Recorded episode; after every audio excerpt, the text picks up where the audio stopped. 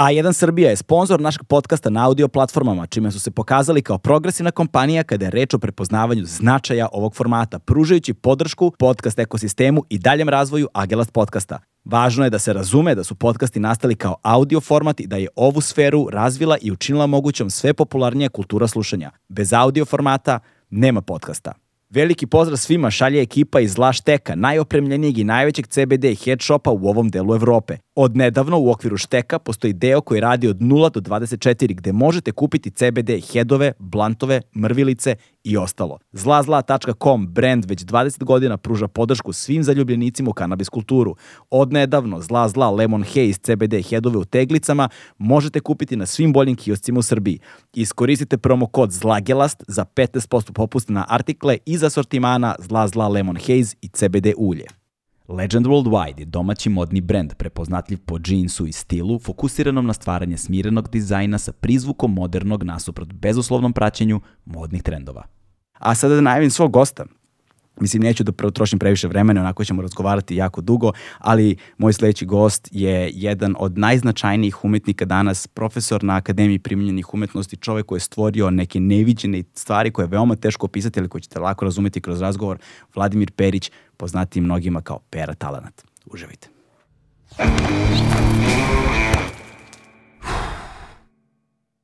Hmm.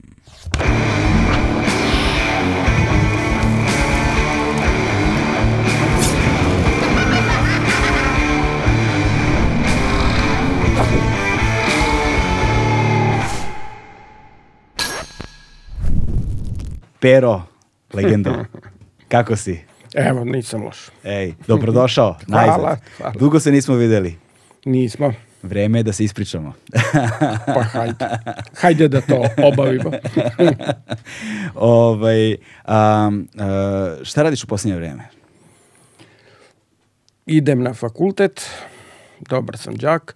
Da, E, spremam dve izložbe, jel da? samostalne, važne. Jedna je u Čačku, u Nadeždi Petrović. Mhm. I jedna je u Kulturnom centru u Beogradu. Ali nešto su razmaci vremenski vrlo... Pa pom- Nezgodni. pomerali smo, pomerali i onda smo ga pomerili tako da je ovaj u, nedelju dana ovaj Mhm. dva otvaranja. To znači da Sa različitim materijalom što je m, posebno da je isti materijal ne bi moglo, ali različiti još gore. Zašto još gore? Pa zato što dve produkcije ovaj različite se rade u isto vreme, pa onda Aha. to skakanje sa koloseka na kolosek je malo. A iz koje faze? Pa daj novija produkcija, ja ne ponavljam. A ne ponavljaš Ne ništa? ne ponavljam, ne A ponavljam. instalacije su velike ili? Pa objekti i instalacije, dakle. Je, Da. Nadežda ima te neke četiri prostorije, pa onda tako nešto će biti veliko, malo. Kombinujem, mislim, meni je važan taj ritam. Mhm. Da nije sve ovaj, istih dimenzija, nego da...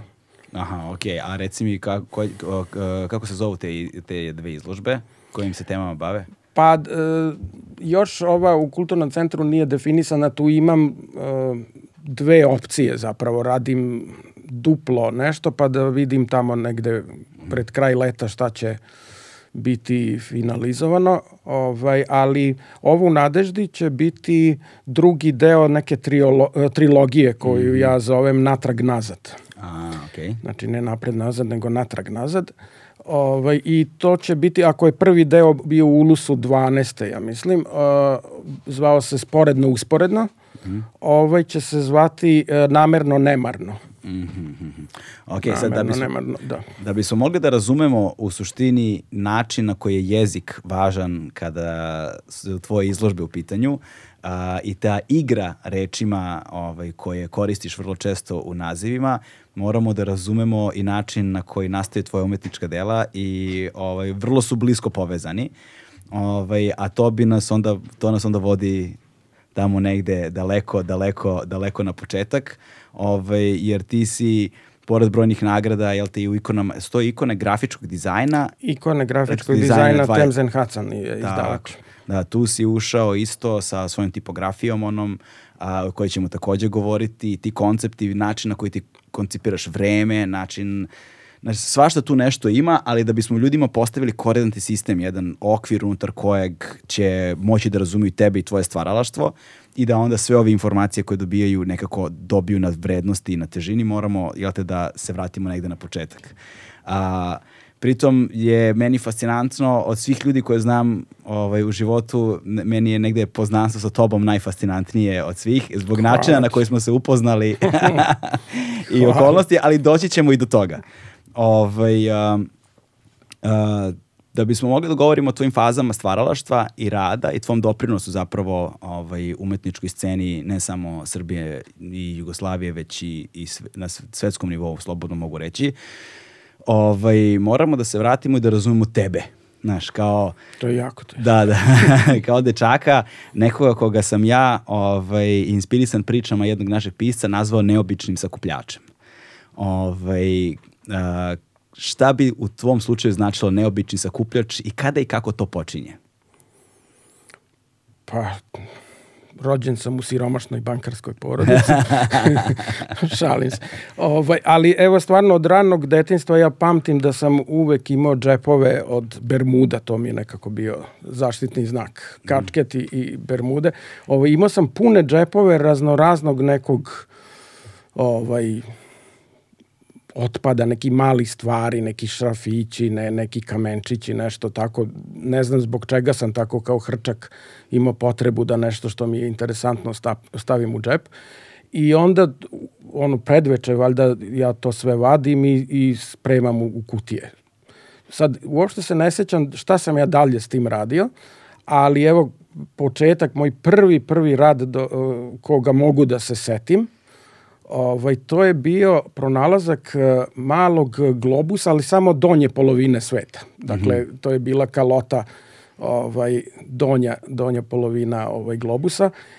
E, to je valjda bio neki rezač ili šta je bilo, ne, nije, nije celina ovaj, pronađena, pa ne znam čega je bio deo, ali ovaj, ja sam to okrenuo naopako, dakle tu donju polovinu naopako i na tri nekakve e, daščice zabao u zemlju i, i to je bio moj tolos, taj neki kružni hram. Znači, to, to je prvi rad koga se sećam, to je par godina sam ovaj, imao, četiri godine možda u Kruševcu kod bake i deke sam.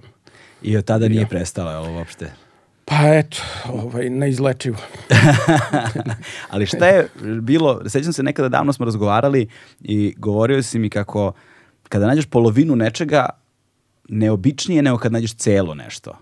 I da je to imalo nekakvu inicijalan efekat na kasnije tvoje stvaralaštvo i sve što si radio posle. Pa dobro, deo produkcije je ovaj takav da, da jeste, meni je interesantnije kad, kad nađem pazlu bez jednog ovaj, dela. Dakle, onda, onda taj deo jako vredi, ali nije u mom ovaj, vlasništvu. da, da, za, da, to, mnoge stvari mogu da se objasne na taj način. da, ovaj, i deo produkcije je uvek ovaj, ok- okrenut tome, to je kao taj neki missing, ovaj, ne- ne- nedostajanje neko, ovaj, tako da sam skupljao recimo dečije kocke za slaganje na, na buvljaku i onda uvek neka kocka fali i sad ta celina mi intuitivno znamo šta bi tu moglo da bude ovaj, i čitamo celu informaciju, ali zapravo nje nema u, u celosti. Tako da, eto, to je jedan deo produkcije se bavi time da, da se ovaj, pre, prezentuju ovaj, artefakti, odnosno ready-made o, objekti ili šta već, ali da ne, ne, nešto nedostaje. Ali ono što je zanimljivo u vezi sa tim radovima je činjenica da oni, uh, ti kada ih pronađeš, oni, ti nemaš inicijalnu ideju odmah šta bi sa njima mogao da radiš. Oni nekada čuče i po 20 godina kod da. tebe. Pa nekad imam ideju, mislim, teško je sad praviti vivisekciju mog e, razmišljanja, pošto ovaj je na više nivoa, pa nisam siguran da ja mogu tek tako da, da Imamo e, vremena, artikulišem. Da, da, dobro, ali mislim kako bi rekao, čudni su tokovi ideja, pa onda ovaj, nekad se mm, reaguje na taj pronalazak. Pa mi onda se otvori niz serija drugih ideja koja je inicirana tim nalazom. A, nekad se reaguje na prostor, nekad se otkrije nekakav prostor koji nije galerijski i on je jako moćan i, i m, prema njemu nastaju radovi. Dakle, šta, šta tu može da se useli u, u takav prostor? Ka, kakvu produkciju to ovaj, iziskuje? Mm -hmm. Onda nekad uh, se nešto pronađe, uh, akumulira se bez finalne ideje šta će biti s time. Znači, tek mnogo godina kasnije neki drugi pronalazak mm, inicira to da da u stvari se kopa po, po nekom ovaj arhivu i da da se upari sa nečim što je davno davno pronađeno. Da bi ljudima Tako da eto to da, je da bi ljudima možda bilo jednostavnije da razumeju jer smo tek na početku razgovora i sad oni treba za one koji ne znaju za tebe pošto primetio sam ti ne daješ puno intervjua. Ja ne znam da li sam vidio igde nekakav intervju Pa ne, bilo je bilo ranije u, u, u, ono dok još bio muzej detinjstva, mislim bilo je. Da. Međutim, ovaj sad kako su mediji postali jako čudni, da ne upotrebim neki gori izraz, ovaj ne nema više uopšte urednika koji su zainteresovani za to. Mm. Znači, ne znam, poslednji put smo se pojavili kao muzej detinjstva na naslovnoj strani politike. Da, ali to kad ste dobili nagradu. Ne, ne, ne, ne, mnogo posle. Mnogo posle. Mnogo posle. Dakle, bio neki jubilej politike mm. i onda su tražili iz muzeja detinstva, iz arhive, neku fotografiju koja je iz 1900, ne znam, treće koje. I ovaj, onda tom prigodom je bio mali, mali ovaj, intervju i, i na naslovnoj strani bila ta fotografija i tako.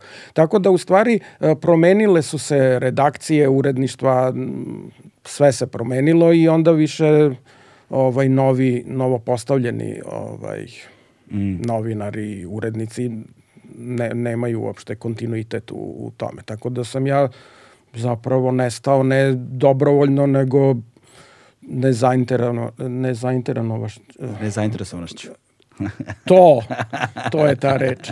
Ovaj, jednostavno ni, nisam, nisam ovaj kriv sam za to. Jasno, mislim. jasno, jasno. E, zbog toga, i onda, i onda se kreirao jedan ogroman jaz onoga ko si ti i tvoje pozicije u svetu umetnosti na ovom, pod, na ovom podneblju s jedne strane i s druge strane javnosti koja je lišena te informacije poslednjih ne znam koliko godina prosto ne, ne, ne samo, ni to slučaj samo sa tobom. Ne, ne, naravno, naravno, da, da ne bude sad neki usamljeni slučaj naravno, u naravno. nego je prosto izgubljeno interesovanje za, za pa umetnost jest, na da. taj način.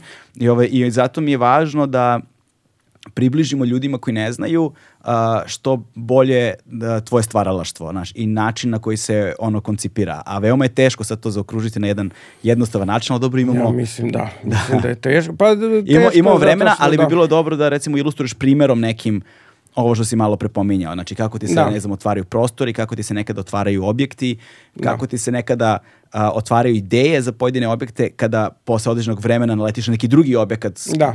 koji se, pa primjerima bi možda bilo Pa najjednostavnije. evo, evo ovako, e, koliko pamtim, pre tamo nekih 25 možda godina, 30, na Buljoj pijaci sam pronašao napravu, to je mala kuhinska napravica za izbacivanje koštica iz maslina ili višnja. Dakle, to je jedan mali ovaj kuhinski pribor koji izgleda vrlo slično mikroskopu. Dakle, ima, ima nožice, ima neku tu platformu sa rupom, ima taj neki stub koji ovaj, drži polugu koja kad se spušta ovaj, isteruje košticu iz uh, masline ili višnje. I meni je sama ta napravica izgledala tako vizuelno jako interesantno i odlučio sam da da uzmem to nikakve su pare mislim za to. Ovaj i ono kući i to sad stoji u magazinu. E sad koliko godina kasnije, možda 10 godina kasnije, ja pronalazim uh, iste veličine mali dečji mikroskop. Ali on ima četvrtastu platformu, ne okruglu kao i ovo. I sad meni je to bilo ovako negde uh, spojeno, ovaj, spojio sam ta dva predmeta, oni zaista vrlo su slični, istih su dimenzija, ali me žulja to što je ta platforma kvadratna, a na ovom kuhinskom okrugla.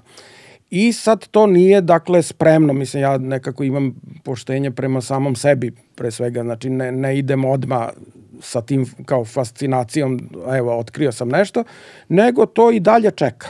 Mm -hmm. To i dalje čeka i pojavi se, šta znam šta je to bilo, Kupindo, Limundo, nemam pojma, ne, neka takva ovaj, stvar, ne sećam se više. Uh, neko u Pančevu prodaje ovaj, mikroskop koji odgovara opisu ovaj, sa poternice. Znači, da. ok, okruglu platformu to ima za, za ove predloške koji se gledaju. I ja ovaj to naručim, odnosno kupim, da li to bila aukcija, ne, ne sećam se. Uglavnom to dođe do mene, ja otpakujem i spojim sad sa onim kuhinskim delom i vidim da je to ovog puta kao dupe na nošu, ako smem tako da, da kažem. Smeš, smeš. Psovke, znači te sve ružne može. reči, sve može da... Sve može, onda, ne brije ništa. Onda, onda eto, ko dupe na nošu je leglo jedno sa drugim i, ovaj, i onda ja praktično vrebam priliku mm. uh, kada ću to da obelodanim, kada ću to da pokažem. I to je bilo negde u mm, Zemunu, galerija u Ikar, kako se to zove, pri domu vazduhoplovstva je bila nekakva izložba. Mhm. Mm Batar Stanović, pokojni mi je bio direktor publikuma na izložbi, onda smo baš komentarisali taj rad. E, a, a taj rad, čini mi se, on je bio u okviru izložbe uspor, sporedno, usporedno, kako se zove, je to taj? A, on je kasnije pokazan, uh, jeste, on je kasnije pokazan ovaj, na, na poličici u Ulusu. U Ulusu, tako da, je. Da, da, to, I je, taj, to je drugi put. Da, da, da I taj je. snimak zapravo postoji. I njega ćemo, njega Ima ću, vođenje neko. Tvoje vođenje jest, te izložbe. Jeste, za Sikalt. Ja mislim, e, da, tako da, ću, tako da ću taj link da stavim u opis ovog razgovora, e, da ljudi mogu kliknu da vide zapravo. Da, I vidjet da. taj objekat i brojne druge zapravo, što, da. je, što, je, što je veoma zanimljivo. Pa da, ovo, kad o vizualnoj umetnosti pričamo, onda uvek nedostaje ta ilustracija, mislim, jer je to u stvari taj matični jezik da. uh, vizualne umetnosti, da se očima ovaj, konzumira, ali dobro, sad smo... Tim pre je zanimljivije da razgovaramo. Dobro, dobro, neka, znaš, neka, okej. Okay. Jer i meni je zanimljivo sad kako ćemo mi to da prevedemo na ono govorni jezik, mm. znaš, a ne likovni ili slikovni jezik. Ovaj, a, kako se nastavlja tvoj put zapravo sakupljanja i pravljenja, jer sad važno je da negde da napomenemo ljudima kao dodatnu informaciju, a, da ti imaš veoma puno, već si pomenuo ready made, dakle a, objekata koje kroz kontekst zapravo dobijaju na vrednosti i ovaj, gde ti a, si ono u brojnim krugovima umetnika poznati po tome da ideš na buvljake, koliko dugo već ješ na buvljake? Redovno. Pa 40 godina. 40 godina si redovan na buvljacima i da sakupljaš sve i svašta. Mm. Da nekada nemaš pojma ni ja šta će. Ja sam kolekcionar kolekcija. da, kolekcionar kolekcija, to je vrlo, vrlo, vrlo zanimljivo. Ovaj, a, I da su brojni elementi, a, kako bih to sad uopšte objasnio, a, da su, da su brojne stvari koje si pronalazio jel te, na buvljacima prvo, koliko ti toga imaš i gde ti to držiš? To je već intima. Da. E, ma, jedan stan je bukvalno pretvoren u magazin. Ona je u Zemunu. Da. Da, tamo, ja sećam se kada sam prvi put, ovaj, kad sam dolazio kod tebe dok se žive, ti si još uvijek živeo u tom stanu. da, sećam. da, sad je to magazin na telje. Da, Tako. ja se sećam, dolazim kod tebe u stan I bukvalno sam u fazonu, vrate, šta je ovo? Znači, krećeš se, krećeš se kroz gajbu samo po trbuške, ono, bo, bočno se samo krećeš. Egipatski. Da, samo se bočno krećeš, jer si sve vreme krećeš među polica ovaj, i ladica i ono kutija koji se drže sve i svašta. Da. Pitanje je da. sad, na primjer, ako si imao tako da. dva velika razmaka, između, imao si toliko velike razmaka između dva objekta, što je bilo ovo za, za košpice, za koštice da, da. I, i, i mikroskopa. Kako recimo, sam našao. Te, te, kako si našao, da. da očekivao sam to. pa teško. kako si se setio e, uopšte? A pa to je ono, mislim, meni je nekako mozak, e, odnosno svačiji mozak je verovatno sličan hard disku. Dakle, ima neki kapacitet koji mi možemo ovaj, da koristimo više ili manje, ali zapravo neke informacije pune taj hard disk do, do krajnjih granica. I sad ja tako neke možda važne životne stvari gubim zbog toga što držim neke detalje koji nikome drugome sa meni nisu važni. Mm. Tako da u stvari nije, nije lako. Mislim, ja imam, uh, ajde da kažem, neku pedantnost u tome, popis, svašta nešto na svakoj kutiji označeno šta je sadržina i to, ali pored toga je mukotrpno pronaći ono što, što mi padne na pamet u, u određenom trenutku. Znači, to je i manjak prostora i mm ovaj, nedostatak drugih saradnika. Mislim, jednostavno, to je posao za instituciju. A1 je prvi prijatelj audio izdanja Agelast podcasta. Da, Mislim, ok, mi, mi zapravo ovde kada u strukturi razgovora imamo tri neke velike životne, tri faze tvog stvaralaštva o kojima možemo da govorimo ako, ako se krećemo linarno hronološki.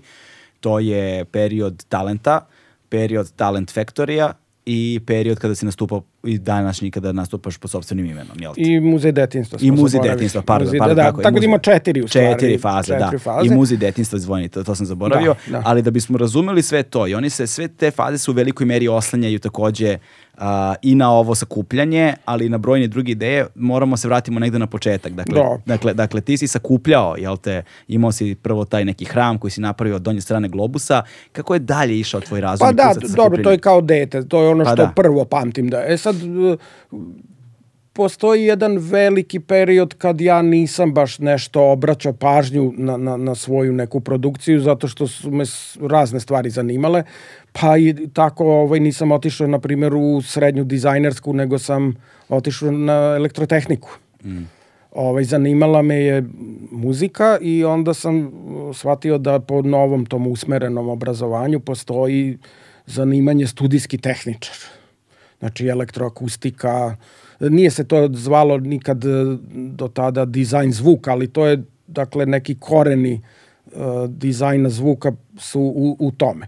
I onda sam ja rešio da spojim, pošto sam išao u muzičku školu, rešio sam da spojim muziku sa tehnikom snimanja, sa uh, izučavanjem zvuka i ovaj, eto, udaljio sam se od samo te vizualne mm -hmm. komponente svog istraživanja i tek negde tamo pred uh, vojsku ja sam shvatio da u stvari treba sad neki fakultet upisati, a to neće biti elektrotehnika.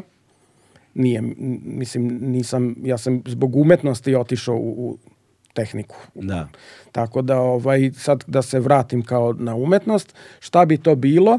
Uh, muzička akademija mi nije bila opcija zato što nisam ni završio srednju muzičku. Uh, onda sam rešio da idem ili na likovno ili na primenjeno. Ok, a zašto baš I, likovna ili primenjena? Pa šta je još ostalo muzi da sem muzik, muzičke uh, akademije, odnosno fakulteta i dramske. Znači, mm. imao sam izbor između četiri... Kad govoriš o umetnosti? Pa da, četiri. Pa može književnost. Pa može književnost, ali to nije nikad u, u mom slučaju bilo nešto što je nije da nisam pisao priča, mislim pis, pisao sam razne priče, ali to nije bio ovaj, moj alat, moj, moj teren. Mm. Pa čak ni muzika nije, mislim ja sam uh, solfeđo mi je bio jako problematičan. Da. Dakle, to nije bio moj teren, jer eto, taj notni jezik nisam nekako ali si se kroz, prihvatio. Ali si se kroz umetnost zapravo obrao u muzici u velikoj jesam, meri. Jesam, ne, ne, sve je to u redu. Imao sam ja i studio i imam neka izdanja, svašta nešto, ali e, nekako opet to poštenje prema sebi. Znači, mm. ovaj, kad se ja vozim e, autobusom iz Beograda u Zemun i naiđe moj drug Gnus ovaj, on je bio flautista, vrhunski flautista, i on je mogao da uzme notni papir i olovčicu i u realnom vremenu da piše note onoga što ovaj, peva. Mm. Ta, ta, ta, ta, ta, ta, ta, ta, ta, ta, ta, ta, i i piše partituru. Ja gledam onako i kažem, ja ovo nikad neću u životu moći. Ajde da ja lepo proglasim da sam ovde napravio maksimum što mogu i to je to, nema, nema šta. Mislim, ali zanimalo me zvuk. Mislim, recimo, klasičari nikad ne prodru toliko duboko u, u dizajn zvuka. Znači, mm -hmm. ja sam to nešto bio jedan od pionira semplovanja. mm. pa programiranja rita mašina, pa tako neke stvari. Dakle, nije više instrument sam bio ovaj, moj alat, ali ovaj, sam...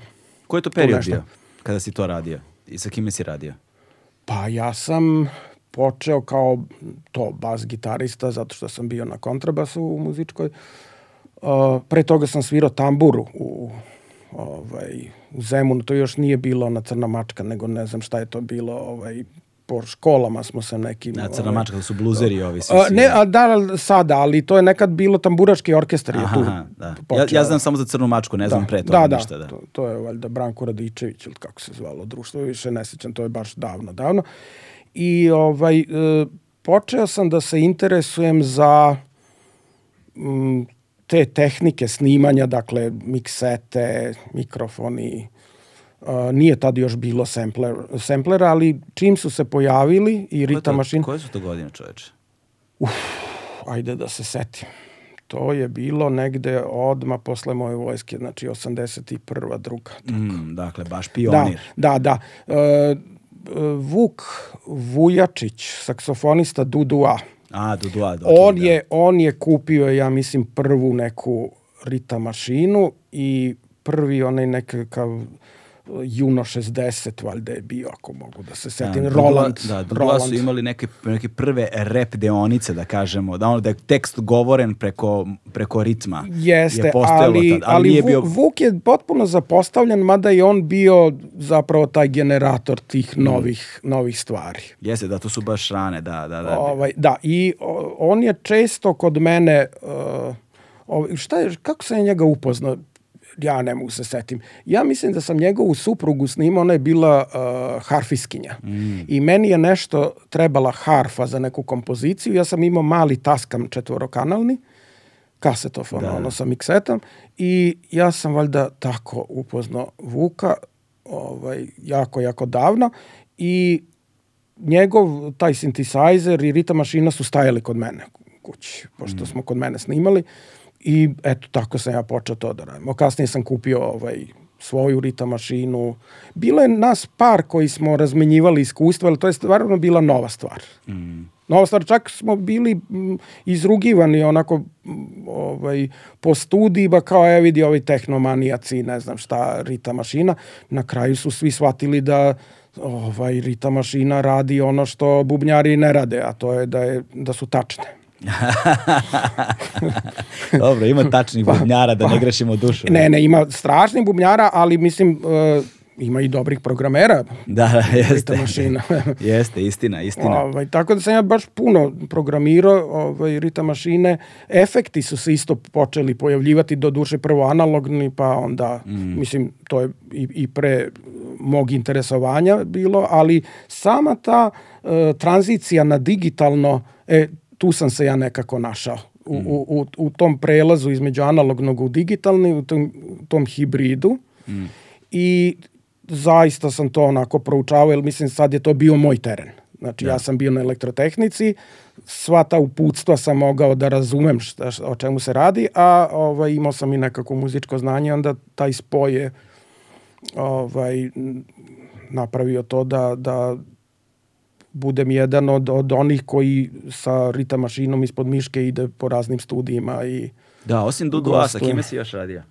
Pa nisam ja lično sa njima radio, Aha, ja sam sa Vukom radio. A, okej, okay, okej, okay, okej. Okay, A Dudu A je, mislim da nikad ništa nisam. Ma radio sam e, recimo po studijima i onda tek prepoznam na radiju svoju rita mašinu i shvatim da je to lepa da. brena, da je to Oslađana Milošević, da je, ne znam, uh, celu ploču sam radio ovim splićanima, to uh, mislim da se zovu Tutti Frutti Band. Aha, aha. ja sad gledam, pokušavam ovaj, se setim kako se zva. Ali ja nisam u gomili tih, meni su to bile uh, pod znacima navoda tezge. Aha, znači okay. ja prvi dođem, dok nema uopšte, nema ni pevanja, nema ni instrumenta, ništa. Mislim, ja prvi položim rita mašinu i odem, uzmem pare, odem. Uh, Ovaj, I te kasnije shvatim da, da je to, ne znam, Masimo Savić, eto, Masimo Saviću sam radio. Ovaj, da, da, pazi, sad sam se setio, da, pokušao sam se setim, Scratch Master Band je posle postojao 84. godine, čini mi se da su oni imali prvi, među prvima ono nešto što je počelo više da liči na te tragove hip-hopa u suštini. A, sa, ja ne sećam se toga, ali znam da je Vrač bio, bio mm -hmm. je... Uh, jedna, jedna osoba koja se zvala Vrač, ne znam ime prezime, Vračević možda, ne znam.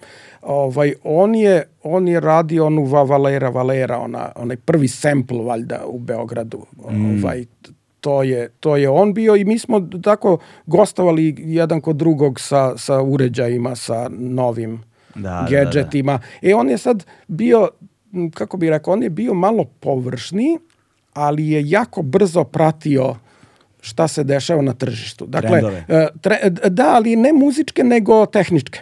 Znači, pojavi se nova rita mašina, on je prodao staru, kupio novu. A, I onda, da, i onda čuje ovaj, ono što sam ja, nešto pustio njemu i kaže, u, šta ti je ovo? Ja kažem, pa ona, Rita mašina, kaže, pa ja sam imao to. Pa kažem, da, ali si odmah prodao, nisi ni provalio šta tu sve može da se urati. Mm. Tako da sam ja bio malo ovaj, dublji i spori, a on je bio malo plići i brži. Da, da. I, ovaj, I to je dobro funkcionisalo, on je kasnije otišao za London i gubi mu se svaki trag, ne znam. I bilo je još par manijaka koji, koji su ovaj, voleli tehniku u, u muzici. Jel, mislim, to je stvarno bilo period kad su se pojavljivali, pojavljivali uređaji koji su dotad bili basnoslovno skupi da. i sad odjednom u kućnoj varijanti može da se to ipak za neke pristojne novce ipak nabavi. S druge strane, šta si uradio sa onim kutijama koje si sakupljao oko klinac? Jesi ih sačuvao ili, ili to sve nestalo tra, bez traga? Pa ta porodična kuća u Krušecu kad se prodavala, pošto je taj poslednji mm. uh, Sajđija iz naše familije, on je izvršio samoubistvo i onda je dosta mučno to bilo, devet naslednika, pa onda to da, da sad ne detaljišem. Uglavnom, ovaj, ja sam u jednom momentu kad je videlo da se to sudski privodi kraju, otišao da spašavam šta se može spasiti. A, nisam našao te kutije, ali sam našao par svojih igračaka. Mm. Par svojih igračaka u podrumu i, i još uh, spasao sam iz te sajđijske radnje. To je jedna od najstarijih uh, sajđijskih radnji u Srbiji. Mislim, bila u ilustronoj politici neka reportaža o, o familiji Karakušević i oni su to valjda sedam ili osam generacija su bili Jesi, sa, sajđije. Jesu li te neki od tih igračaka završili u muzeju detinstva? Da, da. da Jesu, da. Jesu, ali sam ja spasao deo radnje. Ovaj, mm. uh, razan, razni alati i, i satne mehanizme i svašta nešto. Ok, dobro. Doći ćemo do toga da. i, i zašto je to važno, pošto su, i kapitan su oni bili deo postavke kasnije. Jedna cela izložba je posvećena bila ovaj, tom porodičnom mm zanatu ovaj, i u Krušecu je galerija u stvari bila, vreme je pobedilo, tako se zvalo, da. pošto su se svi bavili vremenom, odnosno mašinama za merenje vremena, ali na kraju je vreme pobedilo. Vreme na kraju uvek pobedi. ovaj, dakle, dolazimo do tvog fakulteta, treba da se upišeš na fakultet uh, i ostale su ti dve opcije, likovna akademija i, I akademija. I primjenjena. Na kojoj inače predaješ sada. Da. A, šta se tu desilo? Ja sam svirao sa Jerryjem, to je bio klavijaturista koji je ovaj, opet ne znam šta je uradio da bi ga se publika setila. Ovaj, ne znam gde može da se čuje šta je on snimao, ali on je bio jako interesantan, ovaj, zainteresovan za, za klavijature raznog tipa, recimo kao što je Hancock mm. od, od koncertnog klavira evoluirao u ne znam šta sve, klari, klavinet, pa onda synthesizeri, pa sve i svašta. Ovaj, tako je Jerry uh, i ja smo bili u nekom bendu. Ovaj, mi smo u stvari u Zemunu svi vežbali, tako da je bila Lokac još nije svirao s Bajegom, nego Aha. je nego ima neku stratosferu, ovaj bend jako zanimljiv i Jerry je mene upozna sa svojim ocem koji je bio profesor na primenjenoj. Mm. Profesor Božidar Džmerković. I sad ja treba da spremam prijemni i on kaže pa ajde dođi kod mog tate, on kao ovaj, namestiti neku mrtvu prirodu, ti crtaš. I ja sam radio uz šumatovačku školu i, i to sam radio. Mislim, družio sam se sa uh, Jerryjem, a, a kod njegovog oca išao na, na crtanje. Uh, I u momentu kad sam ja u stvari upisivao, kad sam polagao prijemni, ja sam bio spreman na oba fakulteta da, da polažem prijemni, ali sam odustao od likovne zato što evo kao imam nekog ko zna za mene i dobro sam se spremio i tako da, da ta protekcija nije bila samo ne, nešto što je bilo presudno, nego jednostavno sam shvatio da, da mogu da, da. upišem ovaj, primenjenu, jer ima nekakav raznovrstan program, što je meni bilo interesantnije od likovne. I šta je onda u tvom ono daljem radu u kom trenutku se ti vraćaš zapravo tom sakupljanju, da kažemo tako, u nedostatku boljeg izraza? Da, pa možda sam ja to sve vreme radio, ali nekako nije to bilo intenzivno. Pa mm -hmm. onda meni, meni onda to nije ovako ni ostalo u sećanju kao nešto bitno važno, nego eto to je onako navika da, da svako malo nešto uh, skuplja. Imao sam kontinuitet u sličicama. Dakle, Aha. šta god se pojavilo, Ovaj, fotbaleri su mi bili onako najtupavije nešto, ali kao ajde i to na školskim odmorima da, da se skuplja, ali bilo mnogo više zanimljivih stvari, recimo to flora, fauna, pa onda put u kosmos, pa tako neke razne. Kolinos je imao u žvakama one neke avione, pa brodove. Take stvari su meni bile mnogo draže mm. od, od ovih što trče za loptom. Uh. Ali dobro, da, ali opet, ali opet to sve negde spada na nivou, ajde da kažemo, neke vrste entuzijazma ili nečega što je malo veći stepen zaljubljenosti od onoga što su trendovi ma u tom da, trenutku. Znaš. Ma dobro, to je nekakav hobi. Hobi mislim, nekakav, da, da kažemo, da, malo jači hobi, I, ako već skupiš tako obskurne stvari. Ali, da. ali s druge strane, još uvek to nema nikakvu aplikaciju i primjenu u sferi umetnosti. Nema, nema, nema. Uh, kad počinje Ovaj, kad počinje, kad počinje da. pera kog mi znamo. Pa evo ja sad pred tobom pokušavam da, da se spremim, ništa se nisam spremio za, za, za ovaj ispit, ali oh, pokušavam da iščeprkam iz memorije. E, pa u stvari e, fakultet je taj koji te natera da malo više usmeriš snage e, na, na, na tom vizualnom planu. Jer, mislim, ja do tada nisam, nisam bio u, u dizajnerskoj. Mm -hmm. Znači, ovi koji su išli u dizajnersko, oni su već imali svest o tome šta znači izložba, školska izložba, bilo šta. A meni je koncert bio to u stvari da treba pokazati da. šta, šta se navežbalo, šta, šta su moje interesovanja, istraživanja. Tako da u stvari, eto, koliko, koliko se sećam, onda na fakultetu počinje ovaj, neko se nađe ko kaže, e, imamo galeriju u Kraljevu, na primer, svako dve grafike ili šta već mm. i onda tu počinje nešto da, da se dešava. Sa mnom u klasi je bio ovaj, Goran Dimić. Uh, on je sa mnom oformio to frizure smo se zvali, grupa to frizure, a bili su i uh, kako se zvala sa tak druga grupa gde je Aleksandar Denić, čuveni, mm, da. čuveni scenograf, on je imao taj drugi ovaj, ideje fix, da. Mm. To frizure ideje fix su se u jednom momentu spojile i mi smo bili grupa koja je mogla da u SKC-u napravi izložbu, napravi koncert, ovaj, taj nekakav multi uh, spektakl da, da napravi ovaj, tinejdžerski, ali, ali ovaj, bili smo sposobni, jer bilo nas je sedmoro, osmoro, ne znam koliko ovaj, u, u, u te dve grupe i onda je to tako počelo u stvari da se ne razmišlja više školski, dobro, školske da. izložbe su školske, a sad je vrlo slobodnija forma, znači šta može da se izlože i ja sam onda tu počeo u stvari te neke ready-made-ove, koliko se sećam, da izlažem. Sećaš da su bili prvi od prilike? Pa prvi su bili, na primjer, neki metalni otirač koji je toliko ishaban da je velika rupa u tom ramu gde je ta pletena žica i velika rupa ovaj, postoji. Znači, ko zna koliko, 30, 40 godina je neko brisao noge i, i ovaj, sve se to pohabalo. Vreme I, ipak pobedilo. To, a, pa da, ali, u, u tom periodu je vreme um, saveznik. Znači, Aha. meni je vreme i alat i materijal i ovaj saveznik u, u proizvodnji umetničkog rada. Znači ta neka patina, ta, ta neka e, slučajna likovnost ko, koja se desi kroz vreme sa nekim predmetom, meni je to saveznik. Mm.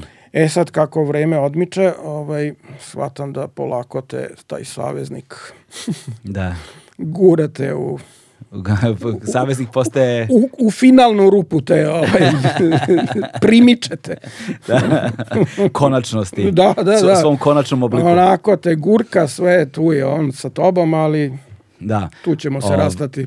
I, da, i, šta je zapravo bio koncept tog otirača koji je bio pohoban sa rupom? Pa ne, on je bio jedan od elemenata koji su bili e, instalirani po zidu. Mm. Aha, Tako da okej. u stvari oko švrlja po tim raznim artefaktima koji su, recimo dimnjačarska četka, sva isto ishabana i iskrivljena, to je isto tako ovaj, lelujalo na zidu. Više se ni ne sećam šta je to sve bilo, ali to su, dakle, ti neki ready-made, kako su pronađeni, tako su izloženi, ali u nekom aranžmanu. Mhm, To ja zovem aranžirani ready-made. U kom trenutku ti zapravo počneš jasno da artikulišeš da je vreme koncept i saveznik u tvom stvaralaštvu? Pa evo ovako, moja prva izložba, pukim slučajem, postaje izložba. Zapravo je bio koncert performance. e, radilo se o e, festivalu druge nove muzike. Miša Savić je bio ovaj, urednik tog programa u SKC-u. I to je bio međunarodni uh, festival, Amerikanci, Holandjani, Japanci, svašta je bilo ovaj, uh, zastupljeno tokom nedelju dana koliko je to trajalo. I sad zbog nekih tehni, tehničkih problema u isto vreme ovaj, nije moglo da se montira potpuno dve različite scene. Mislim se kad se ima jednu mm. scenu, a Japanci imaju užasno komplikovanu ovaj, zvučnu tu neku instalaciju, a imam je i ja. I onda je bilo kao, a dobro, ajde, jel možeš ti da ideš u galeriju, likovnu galeriju, ona je prazna, tamo da instaliraš to svoje i da tamo bude ovaj performans koji mislim nije nikakav problem. Čak mi je još draže ili je malo intimnije, nije onako velika sala koliko je ovaj sala u SKC-u velika, nego je Mislim, govoriš o velikoj sali. sad. Velika Aha, sala, okej, da, da, da. da, da, da. baš je velika, mislim i onda prostor tu možda i pojede Da, da. ovaj rad koji nije prve, prvenstveno pravljen za celu salu, nego je samo pravljen za, za scenu. Da. Danas postoji samo ta velika sala, više nema one male. Tako ti sad A nema, knjižara knjižara je, knjižara, knjižara. jazz, jazz klub i Da, da. taj da- Dača što je vodio. Kasnije living room, ono. E, Da, to, to je otišlo, Da, mislim. da, ovaj. odavno još. Ma da, to- tako da je u stvari velika sala ostala jedino mesto da, da se svira, ali kažem, eto, sticam okolnosti, meni je ponuđena galerija, likovna galerija velika, i što ima mala galerija, ima ona Happy New Gallery ovaj, u prizemlju. Ali ova velika meni dobro došla za to i tu sam ja, eto, od 86. kad je bio taj uh, koncert performance, uh, urednica me Biljana Tomić je zamolila da ostane to tako, ovaj, pošto kako bi rekao, taj ceo instrument su u stvari nekakve cevi koje e, su okačene svuda po prostoru i one e, se pokreću time što se mikrofon ubacuje u njih i trigeruju uh, mikrofoniju koja je neprijatna. Međutim, ja sam sad taj testerasti napon koji je neprijatan ljudskom umu, uh, sa tri dileja Uh, dakle, kasnio sam ga i napravio sam sinusoidu. To je sad malo za ljude koji se ne bave zvukom Nema veze, ovaj, samo ti problematično, ali e, dakle sinusida je nešto što je prijatno ljudskom u- uvetu. A, a testera nije. Znači kad se gleda na osciloskopu, znači jedno je neprijatno, jedno je prijatno, znači vizualno vidimo da, da možemo napraviti razliku šta je koja vrsta zvuka i ovaj ja sam dakle napravio taj zvuk koji je mm, nalik crkvenim orguljama i pesmi kitova tako ne, Ok. nešto i vrlo je glasan dakle e, koliko god da se duže zadržava mikrofon u cevi to je mikrofonija sve jača Aha. mikrofonija funkcioniše tako što uh, zvučnik ovaj ono što mikrofon uh, produkuje ide u pojačalo pa u zvučnik, a zvučnik u prostor vraća nešto što mikrofon ponovo hvata. Da, da. I onda se pravi U petlja, pre- da, ali pojačalo sve vreme pojačava iznova iznova. Da, da, da. I može doći do pucanja prozora, čak i do rušenja prostorija ako se uh, rezonantna frekvencija pogodi. To je ono zašto se ruše mostovi Da, da, da. kad je saobraćaj toliko frekventan da da se pogodi ovaj Jasno, a, jasno. rezonantna frekvenca i onda pada ovaj most.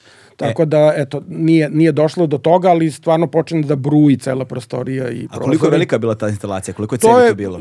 To je bilo nekih 30 cevi, možda malo manje, možda sam preterao, ali uh, nijedna nema fiksiran zvuk. Dakle, nema intonaciju koja je to i to, nego u zavisnosti od položaja cevi u prostoru, uh, ona poprima neku intonaciju. Mm -hmm. Tako da ja mogu da napišem na cevi A, ali kad je premestim u drugi prostor, ona više nije A, nego je sad nešto drugo. Da, da, C. da, da, na primjer. I onda mora da se pamti ovaj, raspored cevi, mislim to ja na tonskoj probi napravim i to postaje instrument tako što u stvari pamtim de, de mi je koji ton i onda prelazim. Kako su cevi bile povezivane? Najlonima. Nisu, Najlon, visila, svaka, da, da, u, u, za- raznim, da, u raznim ovaj, Jesu li morale da budu usmerene na neki način ili ne? Ne, ne. Ili samo se Ne, ne. pusti kroz jednu i onda ovaj kup Pa ne, ne, ja, ja u jedno indukujem jednu frekvenciju, onda to izvučem i dalje traje zvuk zbog digitalnih dileja, onda prelazim na drugu. Tako da, A. da se jako fino prelazi, ovaj, nije, nije kao klavijatura da je odmah stakato, mislim da je odmah pokrenut ton, znači, mm. -hmm. ovaj, nego polako, ovaj, kao, šta je to, portamento, Da. polako Znači, ulazi u znači, intonaciju. ti si zapravo imao performans koji je slučajno postao Izložba. izložba. izložba. da. izložba. Znači, pošto to, znao. vizuelno, vizuelno izgleda atraktivno, te cevi su ofarbane na razno razne načine Mhm. i ovaj e, Biljana Tomić, tada urednik galerije, me zamolila da to ostane. E onda evo, a kad smo već kod toga da, da, da mala, mala priča oko ovaj, daljeg života toga. A, bio sam u galeriji, sedim i pojavljuje se EKV, ceo. Ceo EKV, ja sam bio jako dobar sa njima, mislim to je sad druga priča, možda sam trebao i da budem basista, ovaj, pošto sam sa Vdom sa jako puno družio, u istoj smo muzičkoj školi bili i on mi je ko brat bio. Ovaj. Uh, išao sam na probe uh, tada Katarine druge, nije još bilo EKV. Uh, jer Švaba je trebalo da ode u, u orgazam Aha. i da napusti to, a trebao mi je novi basista. Ja sam odlazio na probe, međutim, Vd je bio u lošem zdravstvenom stanju, tako da kako je on ispao iz benda, tako više ni ja nisam ovaj, dolazio tu. Uglavnom, da skratim priču, dolazi EKV, uh, Magi vidi moj fotoaparat i kaže, e, ajde da te snimim, kao, da, ja, ja imam dan danas taj snimak, Margita me snimila, Ovaj, a oni poziraju, pitali su za dozvolu za neki časopis da li mogu da se ovaj tu snime. Da. I oko, naravno, i onda ovaj, negde sam na internetu vidio mnogo godina kasnije taj snimak. A postoji? Taj, da, da, taj, Sa sve instalacijom tom sa sve instalacijom, čak i je i Ceki, to je jedan momak koji je davno otišao za New York.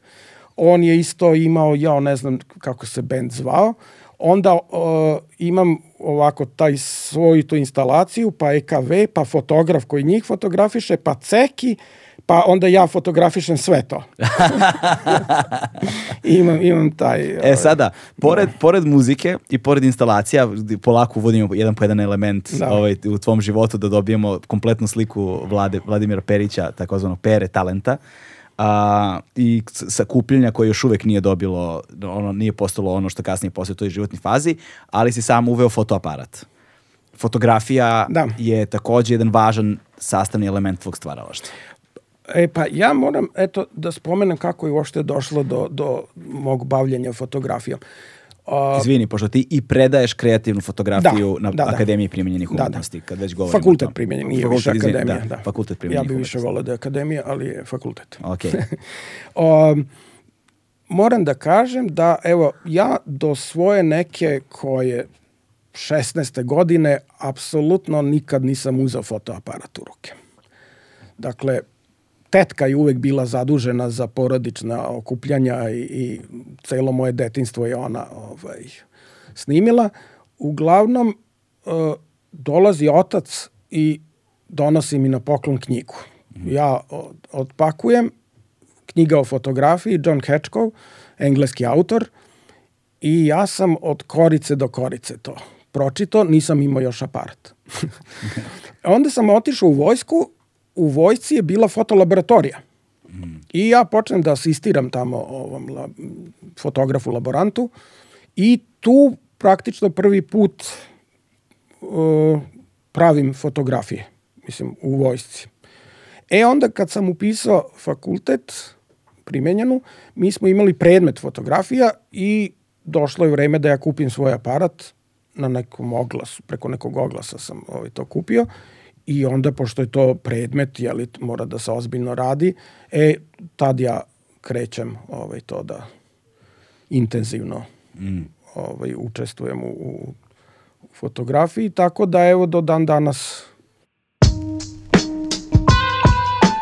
CBD je, pored THC-a, najistraženiji kanabinoid iz sveta industrijske konoplje, samo što on nema psihoaktivno dejstvo. Mnoge studije potvrđuju njegove pozitivne efekte i pomoć pri problemu sa spavanjem. CBD ne uspavljuje niti omamljuje, ali je san čvršći i kvalitetniji. Tako reći, budimo se odmorniji. Koji ti je bio To prvi je- fotoaparat koji si kupio? Sećaš? Canon A1. A, Canon A1 koji je za to vreme bio jako napredan, on imao te neke automatike, mada sam ja sve vreme radio manuelno. Ovaj, Da. Na njemu nekako mi, zbog toga što smo učili fotografiju, pa smo znali sami da podešavamo parametre, onda mi je to ovaj, uvek stajalo na, na manuelnom modu, a on je imao jako napredne te elektronike koje su uh, poluautomatiku i automatiku radile. Za to vreme je bio ono proglašen najboljim aparatom. Tako da eto, to je bio moj prvi aparat i sad imam kolekciju Canon fotoaparata. Ovaj. Canon je isključio korist. E, Jesi, ti u Canon taboru? Pa ne, ne, to je ono, kad neko pita Canon ili niko ne kažem like. imam, imam i lajke, ali ovaj, ja sam kasnije otišao, pošto sam se profesionalno bavio fotografijom, uh, otišao sam u Hazelblad. Mm. Imao sam Asahi Pentax 6.7, to se pokazalo kao uh, dobar aparat, ali loš izbor za posao kojim sam se ja bavio. Ja sam snimao, radio sam kao fotograf uh, za Republičkog zavoda za zaštitu spomenika. Aha. I onda e, određeni manastir, recimo, boravi se po dva, tri meseca na, na Lokaciji. lokal, lokalitet, da. I nije, nije bilo dobro imati aparat koji mora da ceo film ovaj, iškljoca da bi se u, umetno novi film drugačijeg tipa. Naprimjer, u isto vreme je trebalo i slide i color negativ mm -hmm. ili crno-beli negativ i sad nikad da pogodim poziciju. Znači, obilazi se objekat, sve se škljoca i onda recimo sutra dan trebam sa istih pozicija da to radim i pošto nije bila digitalna kamera, mislim nije digitalna tehnika bila prisutna, vi ovaj, ofrlje pronalazite te rakurse odakle snimano, mislim. Da. Pa sam se glupirao sa kredom, Da, da, sam da. obeležavao tripod da je stajao, pa padne kiša, pa to obriše. Pa, mislim, razne stvari su se dega- dešavale i onda sam uzeo fotoaparat profesionalni koji ima leđa sa različitim filmovima. Dakle, isti kadar, jedan snimak sa ovim filmom, drugi snimak sa ovim. Znači, menjao sam ovaj, kasetu sa filmom. Da, nisi morao da radiš trodupli posao i da pritom pogađaš pozicije od da, da, da, da. Znači, mnogo, mnogo bolji sistem ovaj, snimanja. Tako da sam ja dugo, dugo ovaj, sa Hazelbladom radio. Dakle, to je Mhm. vrhunski kvalitet. S druge strane, ovaj, da se vratimo sad na ovo tvoje uh, Dobro. primarno jel te, stvaralaštvo, um, dešava se ta slučajna izložba ovaj, kada si pravio tu, tu Da, da. zvučnu, zvučnu instalaciju. 86. 86. godina. Ovaj, kako ide dalje? E, dalje ide, pošto sad je već ostvarena ne, nekakva saradnja sa uh, Biljanom Tomić, koja je urednica likovnog programa u SKC-u, i ona pita mene, ali jel ti nešto još radiš da je, nije samo zvuk, nego da je baš to je, kažem, pa radim nešto svašta, ali nije mi niko nikad nudio, pa to. Pa kaže, eto, ako hoćeš, Da. Pa onda je 88. valjda došlo do, do te moje prve, u stvari, vizuelno-vizuelne izložbe i to je bila tako jedna instalacija od 10 metara. Jako, jako iznenađujuća o, za likovne kritičare jer oni su očekivali da uvek takve stvari dolaze od e, nekoga ko je sa likovne. Aha. i nisu očekivali ovaj takvu instalaciju. Znači autodidakt ovaj ovde. o, tako da je dobro, dobro reagovala kritika, mislim, i Ješa Denegri ovaj, je bio iznenađen time i Biljan Tomić i tako razni, razni ljudi. I sad opet mala anegdota. Aha. Ovaj, Dušan Petrović i ja smo imali uh, tandem, to je bio Two Base Council. Uh mhm. -huh. Ne znam da li ti to nešto govori, kontrabas i bas. Dobro. Znači, vertikalni bas i horizontalni bas. Mm -hmm. I mi smo imali tu Bass Council, ovaj, radili smo koncerte, Pivara je tada bila nova osjećajnost, ne znam, uh, SKC, ta, u Bašti smo koncert imali tako. Uh, nas dvojca smo se puno družili i kasnije nam se pridružio i Filip, pa je bio PPD, to je bio band koji je jako čudan bio za ono vreme. Uh, Uglavnom, e, došlo je na red da Dušan ide u vojsku. E, pošto je Dušanova baba tetka Desanka Maksimović i živeli su ovaj, preko puta Beograđanke. Ovaj, tu je bilo naš mali kućni studio. Da, samo za ljude koji možda kao neka uh, dvojac bez kormilara. To je kasnije, kasnije da, da. Ice, to, Iceburn isto. Jeste, mislim Playboy, da je Dušan je u Jeste, Playboyu, Playboyu svirao, dakle u brojnim bendovima. Da, ali je... saksofon. Saksofon, saksofon, saksofon da, da. A ovo je, ovo je još bio period kad je on bio u Duh Niboru. Mm -hmm. ovaj. Nas inače upoznao uh, Milan Mladenović e. na, na akademiji. Znači, stojim ja, pričam sa Milančetom, prilazi Dušan, pozdravlja se sa Milanom i onda nas Milan upozna. I onda od tad smo baš bili nerazdvojni, dakle, ovaj, svaki dan smo nešto čačkali. Ovaj, I da se sad vratim na, na ovu priču, dođe red na Dušana da ide u vojsku i sad ja ovaj, imam opremu kod njega u stanu, odnosno kod Desanke, u stanu, veliki stan, pa onda zajedno su živeli.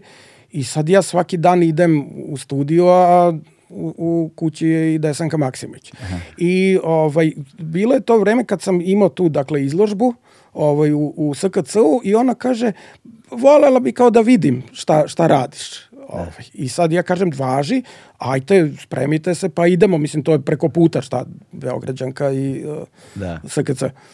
I sad ja, ovaj, kako smo došli ispred SKC, ono staje sa obraća i sve, mislim, legenda živa, da, hoda. Da, da. Ovaj, I ja kažem, ajte, e, desanka, da, da ja odem gore, da vidim u kom je stanju, mislim, to ovi što čuvaju izložbu i tako, samo me sačekajte da, da ja vidim ovaj, šta se dešava.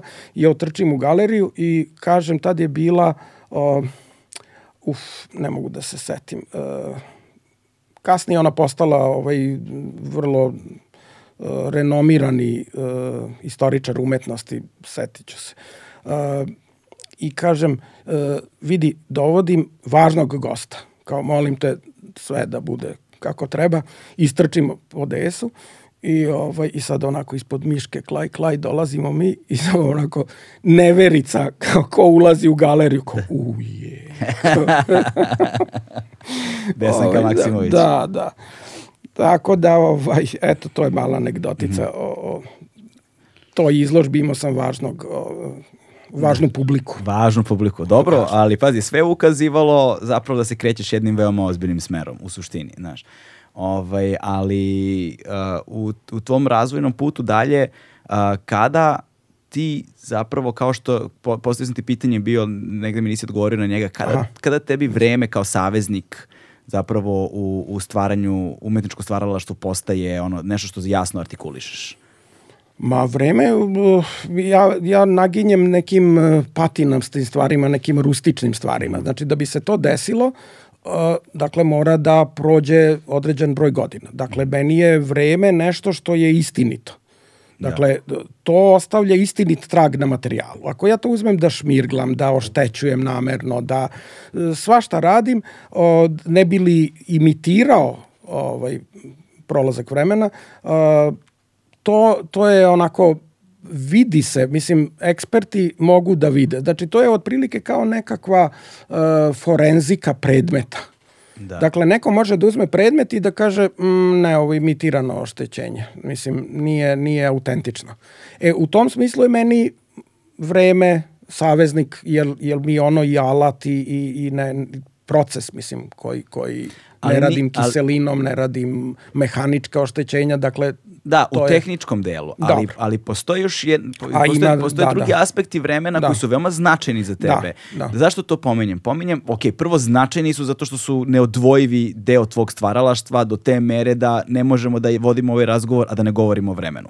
Ali postoji drugi aspekti vremena u tvom stvaralaštvu a, bez kojih takođe ne bismo mogli da govorimo koji bliže određuju tebe. A, jer ti si jedan od retih umetnika, za koje ja barem znam, ovaj, da, da, da umetnička da, dela nastaju u ogromnim vremenskim periodima. Da, pa dobro, ja sam maratonac. M, A pravi maratonac, ono ultramaratonac, jer, jer ti imaš a, od početka do, do, do konačnog oblika ponekad i 20 godina između, izme, nekad i više. I ne znam, više, i ne, nekad više. Pa mislim, imao sam rukavicu svoju kad sam bio beba. Da. Ovaj, dakle, kad me mama vodi ovaj, napolje po zimi, imao sam svoju malu rukavičicu, pletenu, ovaj, i onda sam imao krompir identičnog oblika i veličine. A, a to je, dakle, mnogo godina kasnije, znači 40 godina kasnije. Da. A a, onda sam teo da pravim, uh, i našao sam malu čarapicu, isto takođe od vune pletenu, i onda sam teo da pravim poternicu za krompirom koji liči na... E, nis- ali dobro, dakle, šta je karakteristika? Valjda uh, strpljivost, je li tako? To je možda... Pa da, da, strpljivost svakako, jedna od karakteristika, ali postoji i taj element, ono što je meni bilo fascinantno kod tebe kada sam te upoznao, ovaj, da imaš ideju za koju unapred znaš da je njena neizvesnost nešto što ćeš saznati tek za mnogo godina. Da li, je, Da. da li, da li ima konačan oblik i da si spreman zapravo da se investiraš Da. u projekte i Da, to da. potpuno ono zdu, zdušno se investiraš u projekte koji koji ne znaš uopšte da li će uspeti Da, dok da. ne prođe 20 Jest, ali 30 nije, godina. meni nije to problem, uh, dakle to, to se uh, zove onda intuicija valjda. Pa Mislim, neki pošto je jed, jedno je strpljivost, druga je intuicija. Uh, Dakle, ja bez ikakvog, uh, kako bi rekao, rizika ulazim u tu vrstu investicije. Mm. Znači, meni nije katastrofa ako ta investicija propadne. Da. Zato što u isto vreme investiram u hiljade drugih stvari.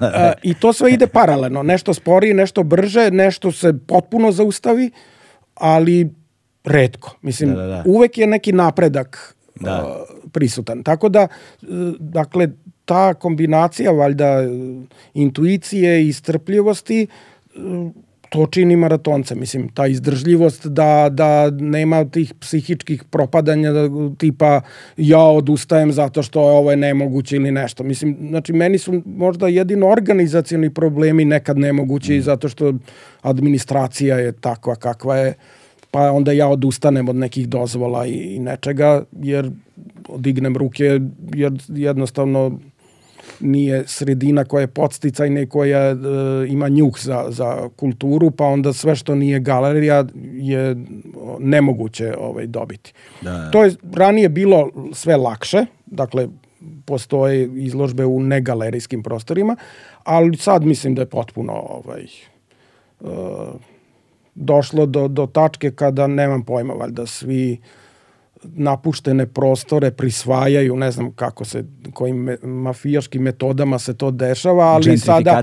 A, pa da, da, dakle, postoje ovaj problemi i kod mene i kod mojih studenta kad se ode na neku napuštenu lokaciju, pojavljuje se neka ekipa majmunskih faca koje, ovaj, kao šta vi radite tu? A šta, šta vi radite tu? Da, da, da. Mislim, tako da neko je bacio ovaj, šapu na, na, na buduće ovaj, te, kako se zove, Lokacije. pa da, gr Objekte. gradilišta, šta, ne znam, Ali buduće, opet je neka vremenska buduće, pa da, opet, da. Opet vreme igra. I oni su, ali oni su nestrpljivi. Oni, oni ovaj, već sad nešto zidaju da bi onda od tih para nešto Da, da. drugo i tako.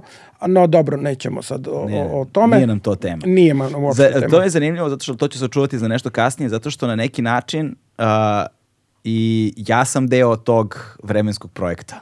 Znaš, ali tako Da. smo se upoznali, ali, Da, o, to, ali o da. tom potom, znaš, Da. to ćemo da ostavimo za kasnije ljudima. E sada, um, uh, uh, kad, kada, kad, u kom trenutku to sakupljanje, odnosno kada se intenzivira tvoje sakupljanje i počinješ da ga artikulišeš kao deo svog stvaralaštva?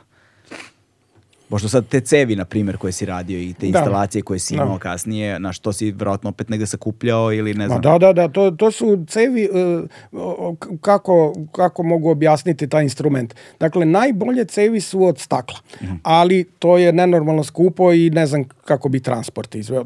To su cevi 2, 2,5 metra i više. Dakle, nisam imao takve cevi. Druga po kvalitetu su recimo metalne cevi. To je opet teško, trebaju kranovi, dizalice, ne znam, skladištenje. Ni to nisam sebi mogao da priuštim, ali je jako dobar zvuk. A, plastika je nešto što je dostupno, dakle vodovodne cevi velikog pr- prečnika i kartonske cevi koje sam skupljao i za robne kuće tepisi su bili ovaj, palačinke rolane na, na tome i onda kad se proda to ide ovaj, u đubre i to je bilo velik uh, uh, ne skladišt, kako se to kaže, otpad uh, iza robne kuće, a ja živim tu odmah i U Zemunu govoriš Da, onda, da, da, u da. Zemunu i svaki put kad prođem ja po jednu cevu ovaj, Mazneš. donesem. Pa no, možda, mislim, to, to je ovaj, ranije bilo, nije, nije bilo reciklaže, to se samo čekalo đubretare, znači nije bilo još ovaj, U velikoj meri manjina koje to re- recikliraju, nego ovaj, je U bacano. velikoj, u velikoj meri si, je i danas tako. Pa nema, da, nema sortiranja otpada, mislim, ovo sve... Da, ali u kom trenutku ti počinješ, sad nekako pokušavam da navedem vodenicu na stvari u kojima si očigledno, recimo kada si počeo radiš tipografiju, ti si, Da. koliko si godina tražio sve Da, znakova? pa evo e, kako ide priča. Ja mislim to je već 90. Mhm. 90. Dakle, ja više ne idem po terenu, o, to su poslednje godine, 91. je poslednja godina kada sam radio za e, Zavod za zaštitu spomenika republički, jer mi smo imali, taj naš tim je imao ugovor sa Princeton univerzitetom, naš e, profesor Čučić je tamo predavao, on je ovaj, bio veliki stručnjak, svetski priznat za vizantijski period arhitektura i a, on je stvari ceo američki tim i, i, ne, ne, nekakav budžet doneo u Srbiju da se oformi tim koji će da 98 manastira kasni srednji vek e, mapira sve izmeri, fotografiše svaku ciglu i da se to dvojezično izda kao mm. monografija. Da- Znači 98 monografije je bilo planirano i ništa 91. dođe rat i američki tim samo nastavi za Tursku. Okay. Dakle, propao je taj projekat i ja, dakle, pošto više nema tog terenskog rada, nema putovanja, ovaj, ništa, ja sad počinjem da razmišljam o studiju, dakle, nije više fotografija na terenu, sada je nešto ovaj, studijski potrebno da se radi i ja onda počinjem da skupljam Dakle, 91. počinjem da skupljam te metalne uh, otpadke koji liče na slova. Mhm. Ali e sad, šta je, pre nego što nastaviš, šta je inicijalna, je li postojala inicijalna ideja iza toga je to bilo neka intuicija? Kao, u, To- vidi ovo liči na slovo i uzme. Da, e, pa ja sam, kako sam već krenuo sa izlaganjima, ovaj, bio nezadovoljan ovaj, tim nekim legendama koje se stave uz rad i to bude iz pisaće mašine ili iz kompjutera, mislim, tek su krenuli kompjuteri, pa onda meni to sve tako, taj papirić beli, to mi nešto bilo bez veze da, da radim. Ovaj, tako. I ja kažem, ajde da probam da e, nađem predmete koji su kao slova i da onda to kolažiram. Da to u stvari bude naziv rada. Da. E, E, sad tu... i- do- Reci. I pa ništa, ja kažem, eto, to, to, Da. je, to je ono što mogu da se setim da, da je iniciralo da ja počnem obsesivno da skupljam ovaj, takve stvari. Znači, nije potrebno puno. Znači, najizgled jedna mala i banalna stvar Da. te je odvela u ludilo. Da, da, da, da. I to kreće naivno. To kreće onako, šta znam, na ulici se sagnem, nađem ne, nešto, kuglager, pa ovo, pa ovo, pa ovo, pa ovo. Pa onda kažem, ajde idem na otpad. Da. Pa onda donesem pun ranac koje čeka. Pa onda ovaj napuštene fabrike. Znači sve živo sam obilazio i ovaj skupljao to.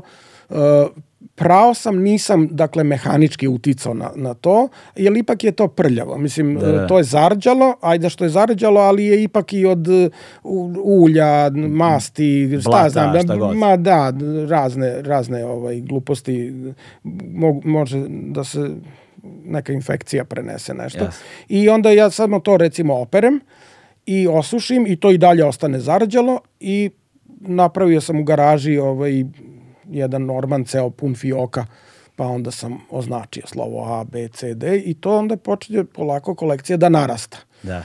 Sad znači imam ono 20 slova A, pa 15 slova B, pa tako.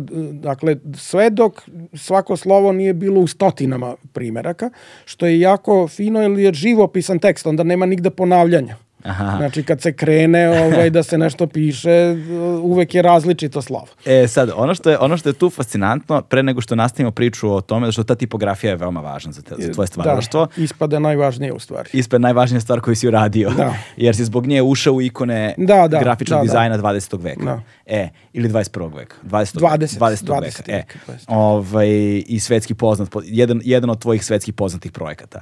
A, ono, I taj projekat je inače uh, obeležio i jedan veoma poznati klub, ali to ćeš, A, da, to, to ćeš ti da vaš- pomeneš. samo. vaš, ja dakle, da- ali pre nego što nastavimo, samo je važno da, samo dve stvari. Prva stvar, koliko si često išao da obilaziš uh, ono različita mesta, buvljake, Svaki otpad, dan. svaki dan. I koliko Ja sam, bio, trošiš? ja sam bio slobodni umetnik, dakle, kako se to kaže, samostalni umetnik. da, Slobodni umetnik. Marko Slobodni. zna, ti si, ti si Mare slobodni umetnik. status slobodni umetnik, dakle član Ulusa, ali ovaj slobodni umetnik, dakle o, nemam zaposlenje stalno, nego honorarno radim posle.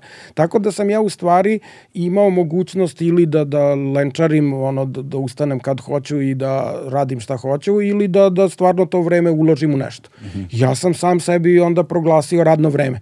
Dakle, idem na otpad, idem na, na idem u neku Dorčel, šta je bio, bile su one razne standard beton, e, toplane, razno razne ovaj polu srušene ovaj e, zgrade i svuda sam tu skupljao.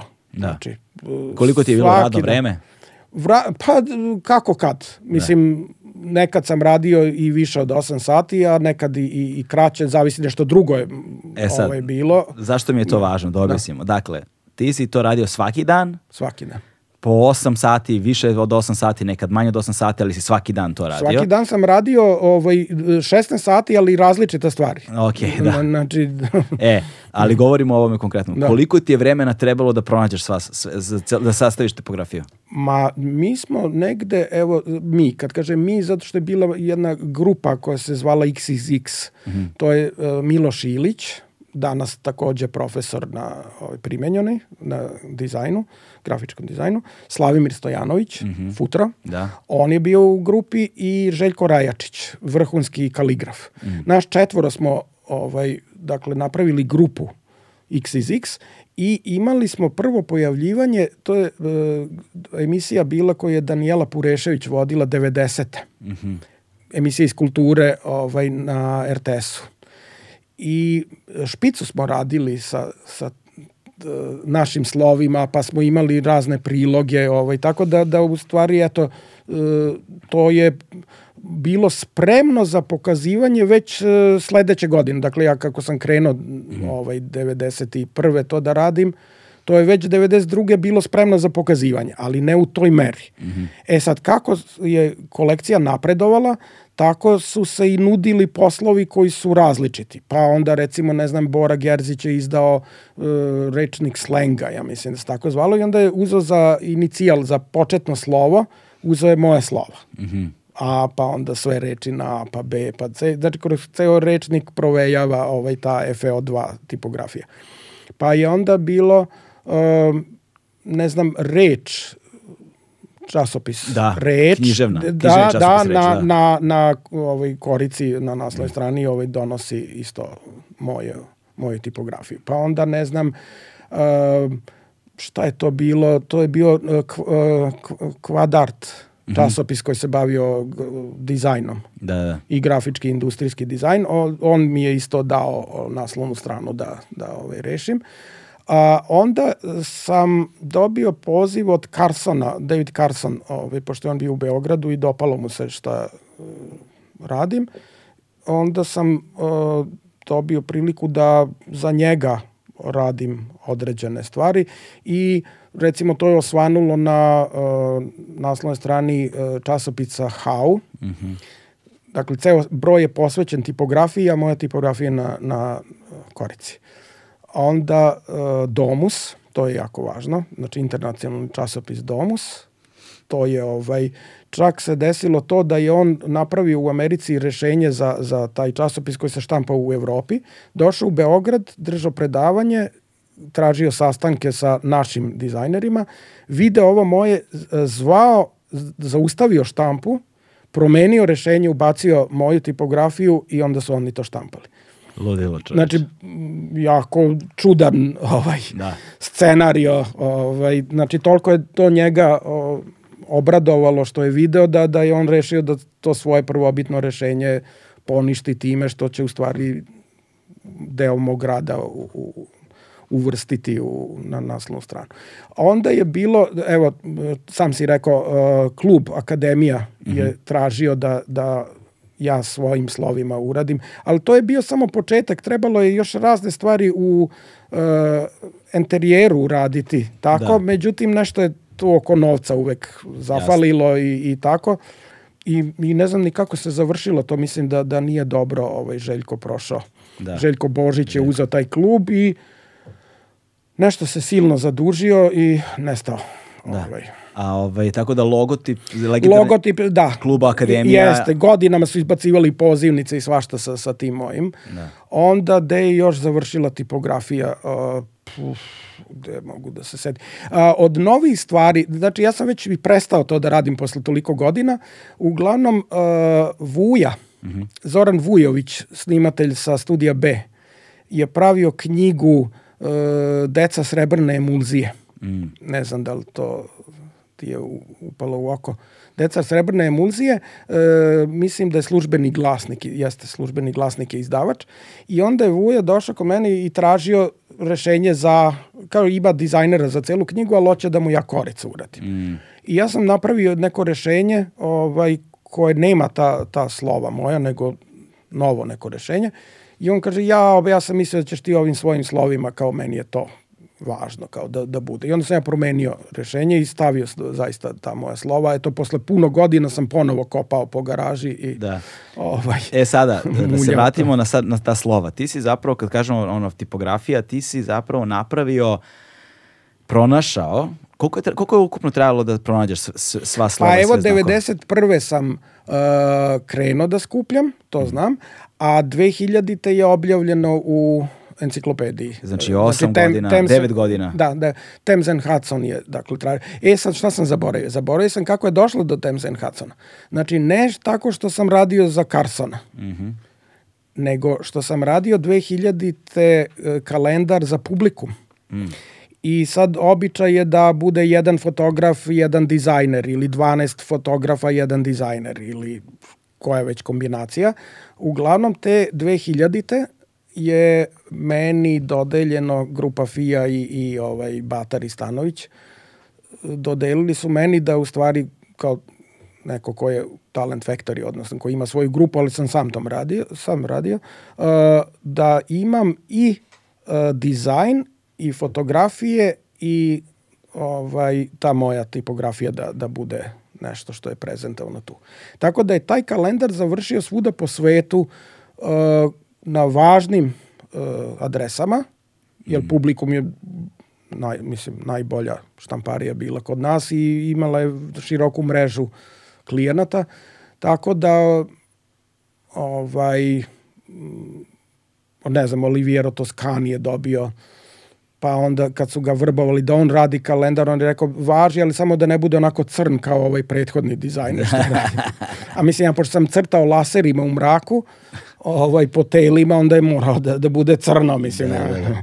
Tako da, u stvari, e, taj kalendar je završio kod Mirka Ilića u Njujorku i on je pokazao to Stevenu Helleru, ovaj, koji je bio urednik te, te enciklopedije grafičkog dizajna 20. veka i on je rekao, u, ovo je super, ajde da ga uvrstimo u to. Tako da i oni su malo odgodili ovaj Objavljivanje. e, ob, mislim objav štampu ni- nisu Da. još e, ovaj poslali u štampu nego su preradili to ovaj zbog tog mog dela i i tako je onda to objavljeno dakle u, u enciklopediji to je prethodilo tome. Dakle eto 9 godina je bilo potrebno od e, od prvog zarđalog šrafa na ulici do enciklopedije koja u isto vreme izlazi, zato se zove Thames and Hudson.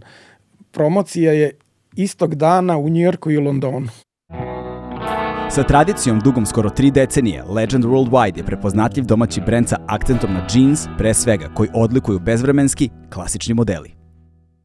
Ja, e, ali pa sad ovo, dakle, a, sad da ljudima približimo malo, ti si morao da nađeš i pazi, pazi, eto šta se desilo od ono, što mi se ne sviđa kako stoje ove legende za umetničke dela do ovoga, Da, znaš, da. kako, kako iz nečega na izgled Manijak, manijak. I to ono 8 sati dnevno idemo po Manijak. otpadima i tražimo. Znaš. Da, da, I to ti je da. obeležilo ceo život. Zna, ovaj, Fanatičnost. ti da. dan danas obilaziš po ceo dan. E, Ja da tražim neke druge stvari. Dakle, e, sad e, šta, šta radim? Sad više slova nisu samo FeO2, nije, nije zarđalo gvožđe, Mhm. nego je PVC. Dakle, Aha. imam i gumu, imam svašta, ali kao otpad, ono, sad je nekako plastika Da, da, da, da. pobedila. Jeste. A, ali to još nigde nisam pokazao, a ima ga još i više nego ovih metalnih. Da, da. E sad, ono što je takođe uh, zanimljivo u tome, dakle ti da bi objavio tu tipografiju, ti si morao da imaš štampana slova, pisana slova, velika slova, mala slova, znakove interpunkcije, tako e, sve? sad, ne, sad ću da te ispravim. A, Vidi, okej. vidi ovako. Uh, ITC je firma koja se bavi fontovima. Ok. Dakle, e, san svakog tipografa je da njegov rad završi u ITC-u. Znači, to je e, firma koja e, otkupljuje fontove i onda ih nudi što na CD-ima, mislim sad više ni, ni CD nego ide online prodaja, ali oni su dakle katalog svetski kvalitetnih fontova. Okay. Dakle, Jovica Veljović, moj profesor sa primenjene je otišao u Heidelberg uh, ovaj, akademiju u Nemačkoj, tamo je predavao, sad je već penzionisan. On je kao student napravio Veljović Book, znači font koji je Macintosh u one svoje prve kompjutere stavio kao uh, redovnu ponudu, dakle softverski se dobija njegov font ovaj, sa tim prvim FX mm. koji su već bili ti modeli ovaj Macintosh. Tako da o, ITC je dakle konačna adresa za e, tipografe i kaligrafe. Dakle, to je nešto što je kao ranije pre njih letraset. Mm -hmm. Znači, letraset kad ti otkupi slova, to svi projektantski biroji u svetu rade sa tvojim slovima, jer, jer je velika firma stala iza tog kvaliteta. I sad meni se javlja ITC posle enciklopedije, posle svega što su videli i kaže da li biste bili ljubazni da nam pošaljete set velika slova, mala slova, interpunkcija, ovo.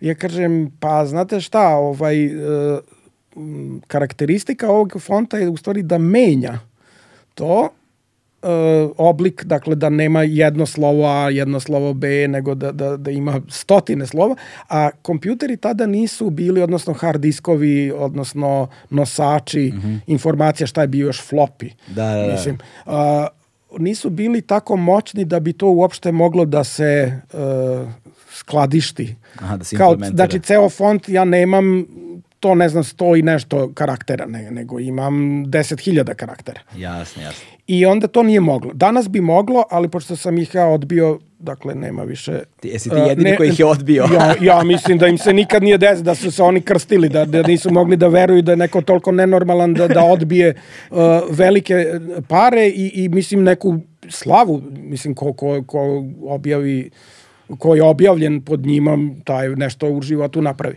Da. Dakle, oni nisu uopšte mogli da veruju da postoji ovaj osoba toliko nenormalna da, da ih odbije. Al, al Danas, bi, danas bi moglo, mislim, danas zaista nije to problem, ali ja nemam obraza da se javim. Kažem, e, znate, ja sam onaj, da kažem, mrž, Što vas je- mrž bre. Tako da, Dobro, ne, možda neko ko sluša će se javi umjesto tebe. ma ja. Ni, ja nisam komercijalno E, sada on- nastrojen, tako da Pa to je, to je sasvim evidentno. pare kvare ljude. po- To je sasvim evidentno posle ovoliko vremena. Ono što je a, sad zanimljivo u vezi sa tipografijom, nismo još sa njome završili, vrlo mi je važna. A, kako su ta slova zapravo nastajala? Dakle, ti si ih pronašao takva kakva su, ništa na njima nisi radio. Ono zaista mora da izgleda kao slovo A, Da, da, kao da, malo da, slovo da. A pisano, Da, ovako da, da, onako. da. Koje ti je, prvo, koje ti je slovo bilo najteže da nađeš? Koji ti je znak bilo najteže da nađeš? nj. Nj čirilično sam našao u Trstu. u Trstu, ono, eto. Stvarno, nj, čirilično nj je bilo najteže. Mada ja nikad nisam ni pokazao čirilični bukvar. Mm. Ovaj, zato što neka slova zaista imam u par primeraka. Mislim, ne- nemam tako stotine kao ove sve. Znači, po, pokazao sam engleski bukvar, gde, gde su ovaj, 26 slova, brojevi i, i interpunkcija. Pokazao sam srpsko-hrvatski bukvar, ali latinični. ovaj, to. I čirilicu sam nešto skupio, ali nik, nikad nisam bio zadovoljan uh, tim bro, brojem određenih slova, đ, ne znam, tako, ne, neka slova su jako čudne forme i pronađu se u par primeraka. Da. A sad da bi ja napravio Đurđevak ili nešto, neku reč koja ilustruje uh, reč na to slovo, onda bi, bi bilo potrebno malo više toga da imam da, da ipak To ima smisla. O, pa da imam izbor. Znači ovako sam s nekim slovima ucenjen da ih iskoristim, a ja ne bi. Mislim, Da, da, da. nije, nije, znači, to to. potpuno si beskompromisan kada Pa tako stvari. ne, pa nema, mislim to to je u stvari vrednost je u tome. Mm. Znači ja mogu da odem u garažu da brusilicom i, i čime već brenerom očas napravim hiljadu slova, ali mislim to nije to je moj rukopis, to nije vreme, to nije slučaj napravio, to nije Mm. ovaj autentična forma. Dakle to svako lažiranje je šta, mislim Da. E sada, Lažnjak. ovaj, koliko slova nje imaš? uf, mnogo me pita, imam par, Da. par slova. A slova đ? e, i možda malo više. Zato Da. što neke stege su ovaj kao to jer e, ja smatram um, slovom kad nije ligatura, kad nije spojeno od dva elementa. E sad te stege jesu dva elementa, ali kad zarađaju postaju jedan.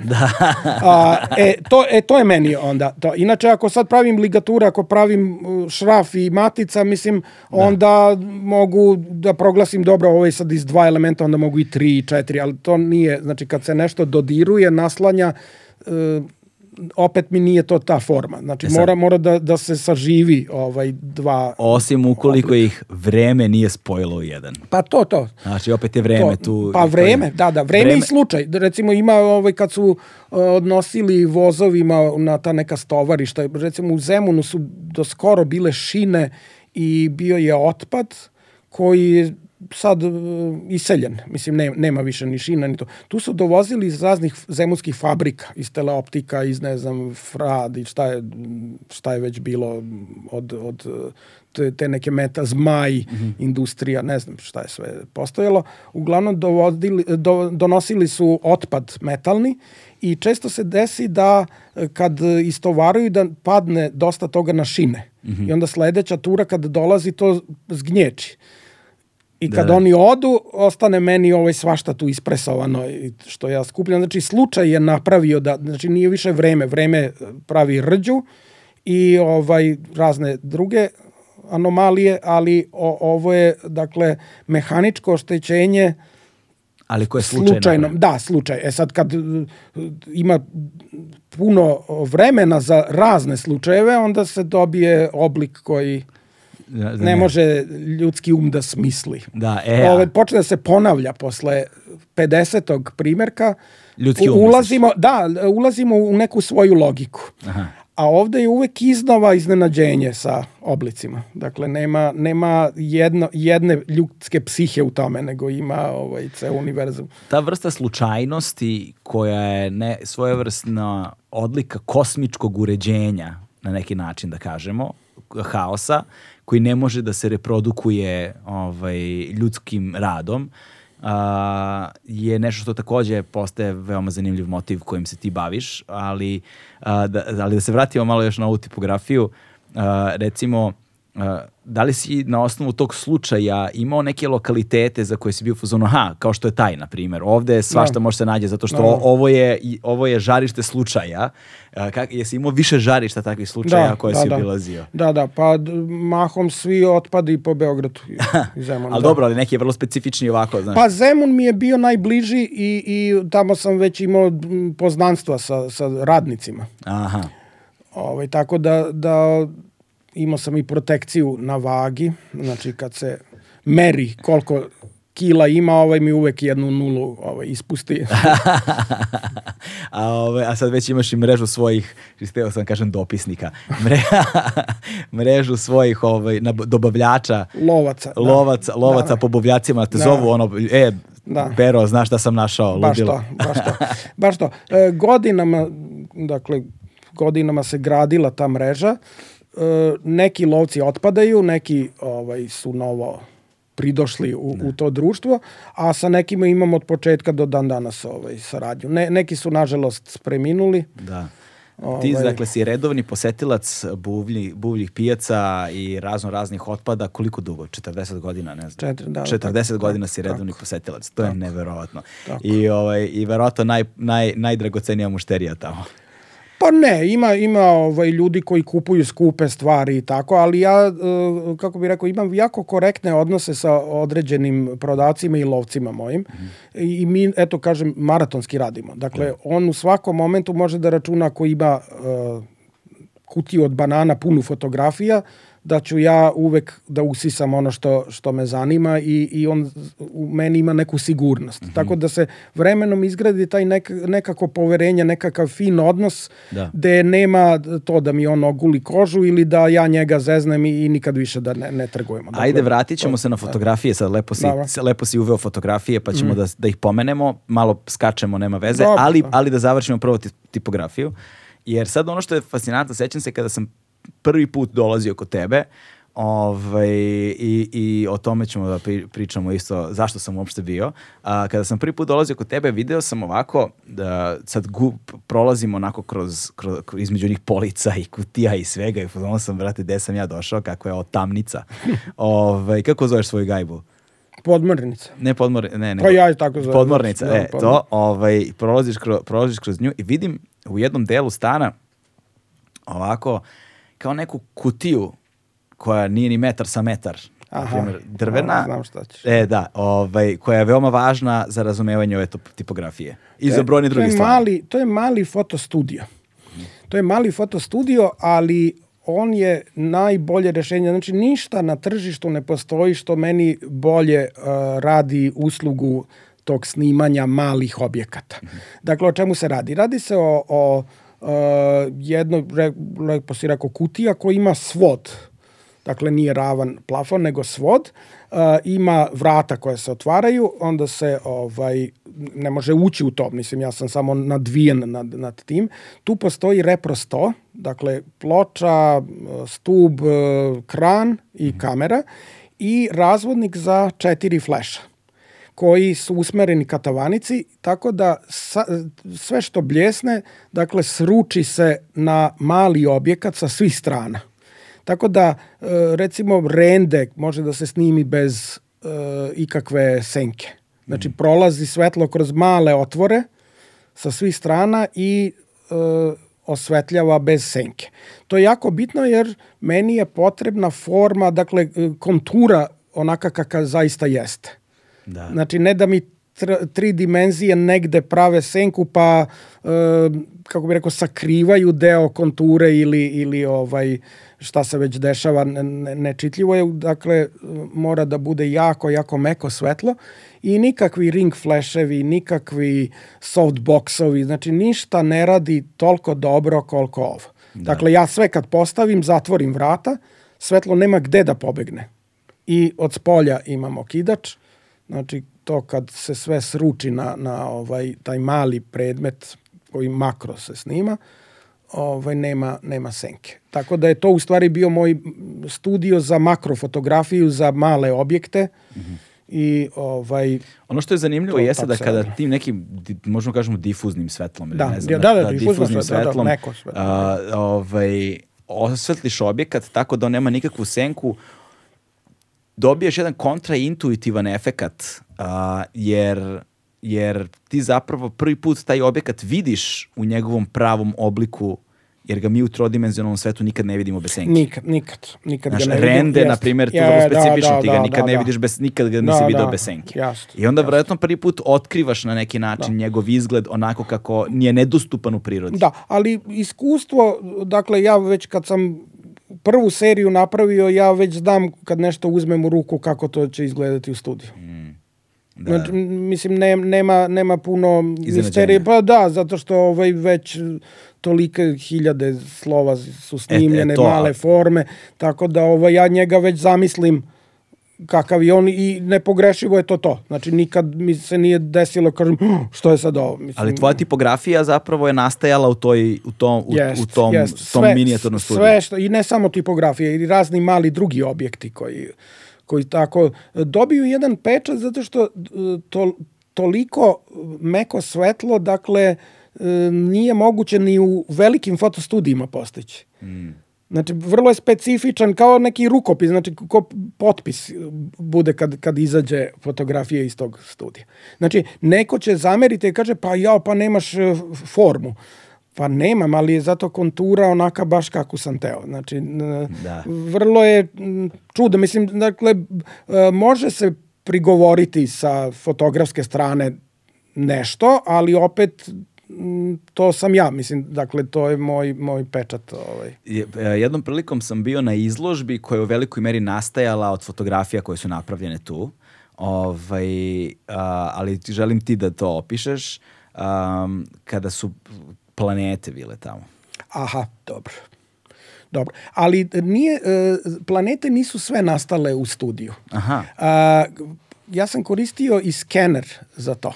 A dobro, to, skener je posebna stavka Da. na toj izložbi koja nas dovodi na ovog Da. faktora vremena o kojem Da, smo da, govorili. da, da, da. Kako vreme igraš Da. jednu ulogu kod Da. tebe u stvaralaštvu. E pa sad, ovaj, kako igra, ovaj, bio sam ljut na vreme što ne mogu da ubrzam neke stvari. A, dakle, ja skener sam svaki dan koristio za raznorazne stvari. Stavljao sam životinje, na, na njih robote, sve i svašta, ovaj, jer pokret me je zanimao na skeneru. Dakle, skener je e, specifičan uređaj, ono što se radi fotoaparatom ne radi se skenerom i obrnuto. Dakle, nije skener samo za neke dokumente koji su A4 formata, nego ovaj, ta neka digitalna linija e, mora da e, ima određeno vreme kako ovaj, se mehanički pomera i digitalizuje ono što je uzorak. Dakle, nije odjednom ne nastaje Da. kao kod fotoaparata. Tako da kad se stavi neka životinja, zmija, gušter, kornjača, ona je malo mirna, malo nemirna i onda dobija jednu distorziju koja nije moguća da se zabeleži fotoaparatom. Ja sam to obilato koristio. E sad, dakle, neko ko svaki dan koristi skener, mora zbog projekta da pauzira. Znači, otvorio sam poklopac od skenera i čekao da napada prašina. Zašto? Zato što posle mesec dana sam stavio kliker tu i skenirao celu površinu i dobio kao zvezdano nebo. U negativu Da. ovaj se dobije potpuno ovaj e, da, da prašina svetli, a da je mrak svuda okolo. I to je ono I- što samo vreme i slučajnost mogu da naprave. Ma da. Dobio si autentičnu e, površinu jest, zvezdanog ja neba. sam sad tu mogao, ne znam, nešto da prašim i ne znam šta da radim, ali opet sam to ja radio i onda ovaj, nije, nije to autentično. Dakle, ono je nekom mirnom metodom, kao hladno ceđeno maslinovo ulje. znači, nisam ovaj, turbulenciju neku pravio usisivačem i ne znam čime, ovaj, nego sam čekao da mesec dana napada prašina i od prašine je nastala zvezdana prašina, a od klikera je planeta. I to je bilo u, u ti si video to u ozonu, Tako je. u ozonu, dok, u starom ozonu još Starom. dok je bio, da. Kada je to bilo? Davno dosta, da.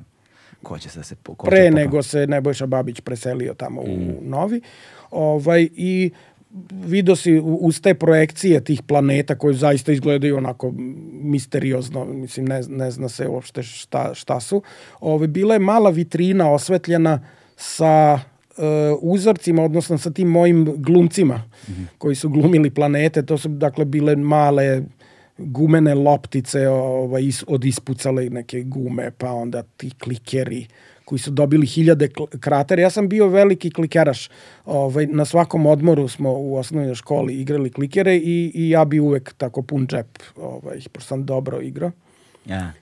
Ti si pa, bio super to na mene, ja sam uvek gubio. Uf, ja sam sa dva metra se ispraksirao da pogađam. Stvarno? Sa dva metra, evo to, mislim, ne, ne sad svaki put, ali da, da. boga mi je do, došlo do toga da, da ozbiljne razdaljine sam. Kako smo o. beše govori, kako se beše govorilo, nema fuljenja pre rofe. E, pre, pre roše, mi smo roše. Roše, roše, da rofe, mi se nema fuljenja da, pre rofe. Da, da.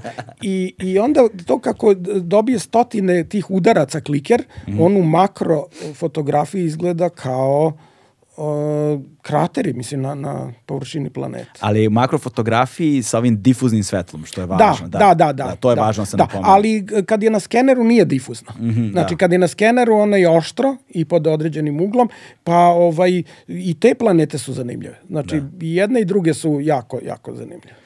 Da, i sada zato kažem da je ono veo, fascinantan, fascinantana je ta kutija bila ono kad sam došao, kad on si mi ti objašnjavao kako to da. funkcioniše. A s druge strane, paralelno si ti radio i omote za albume. Ali to je veliki studio. Da, da, da. Ja, da. ja sam u toj drugoj jednoj sobi koju sam ispraznio ovaj, napravio studio. Mm -hmm. Šta je rađeno? Supernaut je rađen tu. Supernaut ne. je rađen, to znam. Uh, Party Breakerski su rađeni tu. Mm. Uh, Gramzivost i pohlepa, da. mislim. Jesi ti radio prvi album uh, obojenog programa? Jesam, ali to je u malom studiju. Aha, u malom studiju, okay. Nisam njih snimao. Mislim, da, da, da. Supernaut je ceo band da. i Party Breakers su imali onog nekog bildera istetoviranog sa zlatnim onim da. lancima. A, dakle, to je za, za te odrasle osobe je veliki studio, a ovaj mali studio je bio za, za te male uzorke, a za obojni program je sve pravljeno. I Kebri sam pravio knjigu, ja mislim, mm. uh, on je imao knjigu ovaj, tekstova nekih, uh, isto sam u Koricu radio. E. Pa onda on, Nebojša Kandić, njemu sam isto pravio to. Pa onda, ne znam, Bori Gerziću, onaj Memet Šepard i šta znam, ovi pisci, to sam isto mm. Tako da mali studio je bio zadužen za za Jel ga i dalje imaš? Imam, da. imam. Imam do duše ovaj sve manje radim tu, imam sad neki profesionalni skener pa onda ovaj mm. na njemu ovaj, o, ovaj, hajde sad nekako da stignemo do, pošto još se nismo dotakli, fa, faza ovaj, tvog stvaralaštva. Um, prva faza je kada si nastupao pod pseudonimom Talent. Ta, talent. Talent, talent, talent. Uh, zašto talent i šta je predstavljala ta faza tvog stvaralaštva? Uh, pa ja sam, uh, moram reći, sam sebi u stvari uh, uzeo da mi to bude pseudonim, ali non stop su me tupkali po ramenu i kao, u, ti si talenat, talenat, talenat. Ovaj, to je znači bilo ono pred, akadem, pre upisa fakulteta, pa na fakultetu, pa tako. I ja kažem, ha, možda bi moglo ovo sa greškom da se uzme. Znači, nije talenat, nego talent. I onda kad neko pita, ali dobro, zašto baš to? Ja kažem, pa mnogo je talenata, jedan je talent. Da. Tako da ovako delovalo možda arogantno, ali zapravo sam imao neku uh, vrlo, uh, da kažem, poštenu ideju da se ja uopšte ne pojavljujem 10 godina u medijima. Znači, ja sam zacrtao da će ta faza trajati 10 godina i da neće imati uh, mene kao nekoga prepoznatljivog, nego radovi će biti prepoznatljivi. Da. I uopšte ja nemam uopšte intervju prvih deset godina, ne postoji ništa ove što je. Eto, zanimljivo. Da, sedim u galeriji kao koji autor, kao, nemam pojma. Da, da, da. O, Ovaj, to je period od, od, od 86. 86. do 96. 96. Da, ti, ti, da. Tih 10 godina. Šta je da. nastajalo u tom periodu kao neke od najznačajnijih dela talenta? Ali vidiš, ali onda kada je naš, u, pa, u padežu, onda postaje ispravno. Da. Uh, pa šta je... Da, Nepostojano A, tako da. da. Ja sam imao ovaj, te nekakve velike instalacije u SKC-u. Mm -hmm. ovaj, to je onako privuklo. Sad, ra, sad, razmišljam, sad razmišljam, pokušam, pošto mi je teško da razlučim sfera, recimo, Ne, to je Talent Factory. to je Talent Factory, Talent Factory. Soliter za ptice, to je isto... Ne, to je, to je, to je kasnije. to je pod mojim imenom. Aha, aha, to je još mnogo To kasnije. je još, da, da, to A, je, okej. uh, talent, prvi soliter u pravu si, prvi soliter je Talent Factory. Prvi Da, oni drveni što je u Drveni Austriji. u Austriji je 2002. Da. 2002. A, a ovaj u Rijeci, metalni je pod mojim imenom. Ali to je nešto skorašnje bilo, to sam do pre A, neku godinu. to da je bilo uh, EPK, to je Evropska predstavnica kulture Rijeka. 2019. Dve, 2020. 2020. Da, da. 2020. Tako da je to bilo 29. februara otvaranje, a već posle nelju dana je bio Mhm. lockdown, ja? Pa je tako nešto, 2020. Ja sam, kad sam se vraćao iz uh, Rijeke, Mhm. ovaj, došli smo u Ljubljanu pa išli za Rijeku, a iz Rijeke smo išli za Zagreb i već maske su počele na, carini, na, na graničnom prelazu su hrvatski ovaj, Mhm. carinici imali maske. Baš me zanima kako će pandemija da se ovaj odrazi na umetničko stvaralaštvo inspiracijom. Ovaj, da li ima nekih zanimljivih Pa stvaralaca ima, već danas? ima, ima, ima. Ne. Ima, ja sam video svašta, ovaj, mislim, na internetu sam video svašta. Ovaj, ja sam imao opet kolekciju maski odbačenih. Mm. To, e, to je neverovatno sa našim narodom. Ovaj, otvori se McDonald's ovaj, na Novom Beogradu, Znači, sutradan i u Zemunu na 200 lokacija bilo ovaj, kesica iz uh, McDonald'sa. Da, da, da, da. da. Znači, neverovatno. Dakle, isto ovo sa, sa maskama. Mm. Počele su maske, nisu mogle da se nabave. Onog momenta kad, su, kad smo nabavili one e, skupe, a loše ove, kineske maske, odjednom, ono, posle svake upotrebe u autobusu ne ide u kantu, nego ide na ulicu. Da, da. I ja imam hiljade tih maski snimljenih, ovaj, što su različite u dezenu, što u, u pozi, neke su presavijene ovako, neke onako, neke sa pozadinom su zanimljive. Uglavnom imam kolekciju uh, snimljenih maski. Doduše tele, telefonom, ali svejedno ogromna je kolekcija. Bez obzira, da, ali vidiš, zanimljivo je kako možeš da donosiš brojne zaključke o vremenu i društvu u kojem živiš na osnovu posmatranja isključivo otpada. Pa da ne vidiš ništa drugo, Kako nego da ne. gledaš samo u otpad, možeš svašta da zaključiš Da. O, o, o, Da, o da. narodu u kojem se nalaziš. Pa jest. Ja recimo u Beču ne mogu da nađem ništa na ulici. Znači jedan, jedno jedino slovo nisam mogao da nađem u Beču. Da. Gde si najviše nalazio. Pa kod nas, mislim, Da. najviše vremena sam provodio Da. tu, ali recimo u unutrašnjosti Austrije postoje otpad i reciklažni centri. E, tamo postoji jedna jako čudna stvar. Znači, potpuno kontra naše stvari. Ako nešto želite da ostavite na otpadu, to se meri i naplaćuje vam se po kilogramu. Ako nešto želite da uzmete sa otpada, to je besplatno. Obrnuto je, da, da. To je fenomenalno. da. Zato što neko je nešto bacio, jer ne sme da zagađuje ovaj i dobio bi kaznu, znači mora da plati da svoj otpad Odloži. o- odloži i tu ljudi rade. A da bi se nešto recikliralo, niko vam ne pravi problem da uzmete tri bicikla i da sastavite jedan. Da, da, znači, da. da. niko ne pravi problem oko toga. Vrlo, zanimljivo. Jako zanimljivo. I ja sam obožavao da idem ovaj, po otpadima. Ili ja kad uh, gostujem negde, ja nikad ne nosim svoj materijal. Mhm. Znači, čak ni ideju ne nosim sa sobom. Jer ima nekih umetnika, oni prvi dan izdeklamuju šta treba da im se kupi i onda svoju ideju, ko zna kada, ovaj, oformljenu, realizuju za tih dve nedelje koliko su recimo u tom workshopu ili šta već. Ja to ne radim. Ja odem na neko mesto i gledam šta se nudi. Šta, šta su kapaciteti tog mesta. Šta tu postoji od materijala, od alata, od svega. I onda reagujem na, na to. Mm. Tako da ovaj, u stvari kad su uh, mi rekli to za otpade, onda je moje redovno ovaj, o, o, bilazak je bio uračunat u svaki moj ovaj put da, da, da realizujem ne, neki. Ali pazi, to nosi određeni element rizika. Pa posle toliko iskustva više i ne. Znači Da. nisam to ja počeo kao mlad umetnik, pa ne znam šta će da se desi. ok, da. Nego, mislim, ja taj prvi period, kažem, nisam nešto ne, ne nešto, nego nisam uopšte dao intervju. Dakle, nije to medijski dospelo do određenih centara ko je to i šta je. E sad, Talent Factory je jako puno putovao. Znači, dobijali smo pozive iz inostranstva. Aj samo da A- napravimo razliku. Uh, Talent Factory počinje od 96. i traje Do dve- 2006. 2006, isto 10 godina, isto Da, 10 godina da. tačno. Koja je razlika između Talenta i Talent Factory? Talent je e, isključivo ja sam. Talent Factory je zamišljen kao grupa i jedno vreme je funkcionisao kao grupa, ali nisu izdržali ostali ovaj, u ekipi. Tako da, da se tu promenilo ovaj, više ljudi. E, najduže je Dejana Momčilović ostala. Ona je modni kreator i ovaj, zajedno smo imali razne tako akcije, bitev, teatar. Čekaj, jesu li njene bile one haljine od kesa? Jesu. Da, to je Jesu. vrlo zanimljivo. Jako, jako zanimljivo i mi smo gostovali u Austriji nekoliko puta i ovaj Bitev, eh, Rex, Bioskop Rex Da. isto. Ovo će samo da Fashion kažeš kakve su to haljine u pitanju da dočaramo E, ljudima.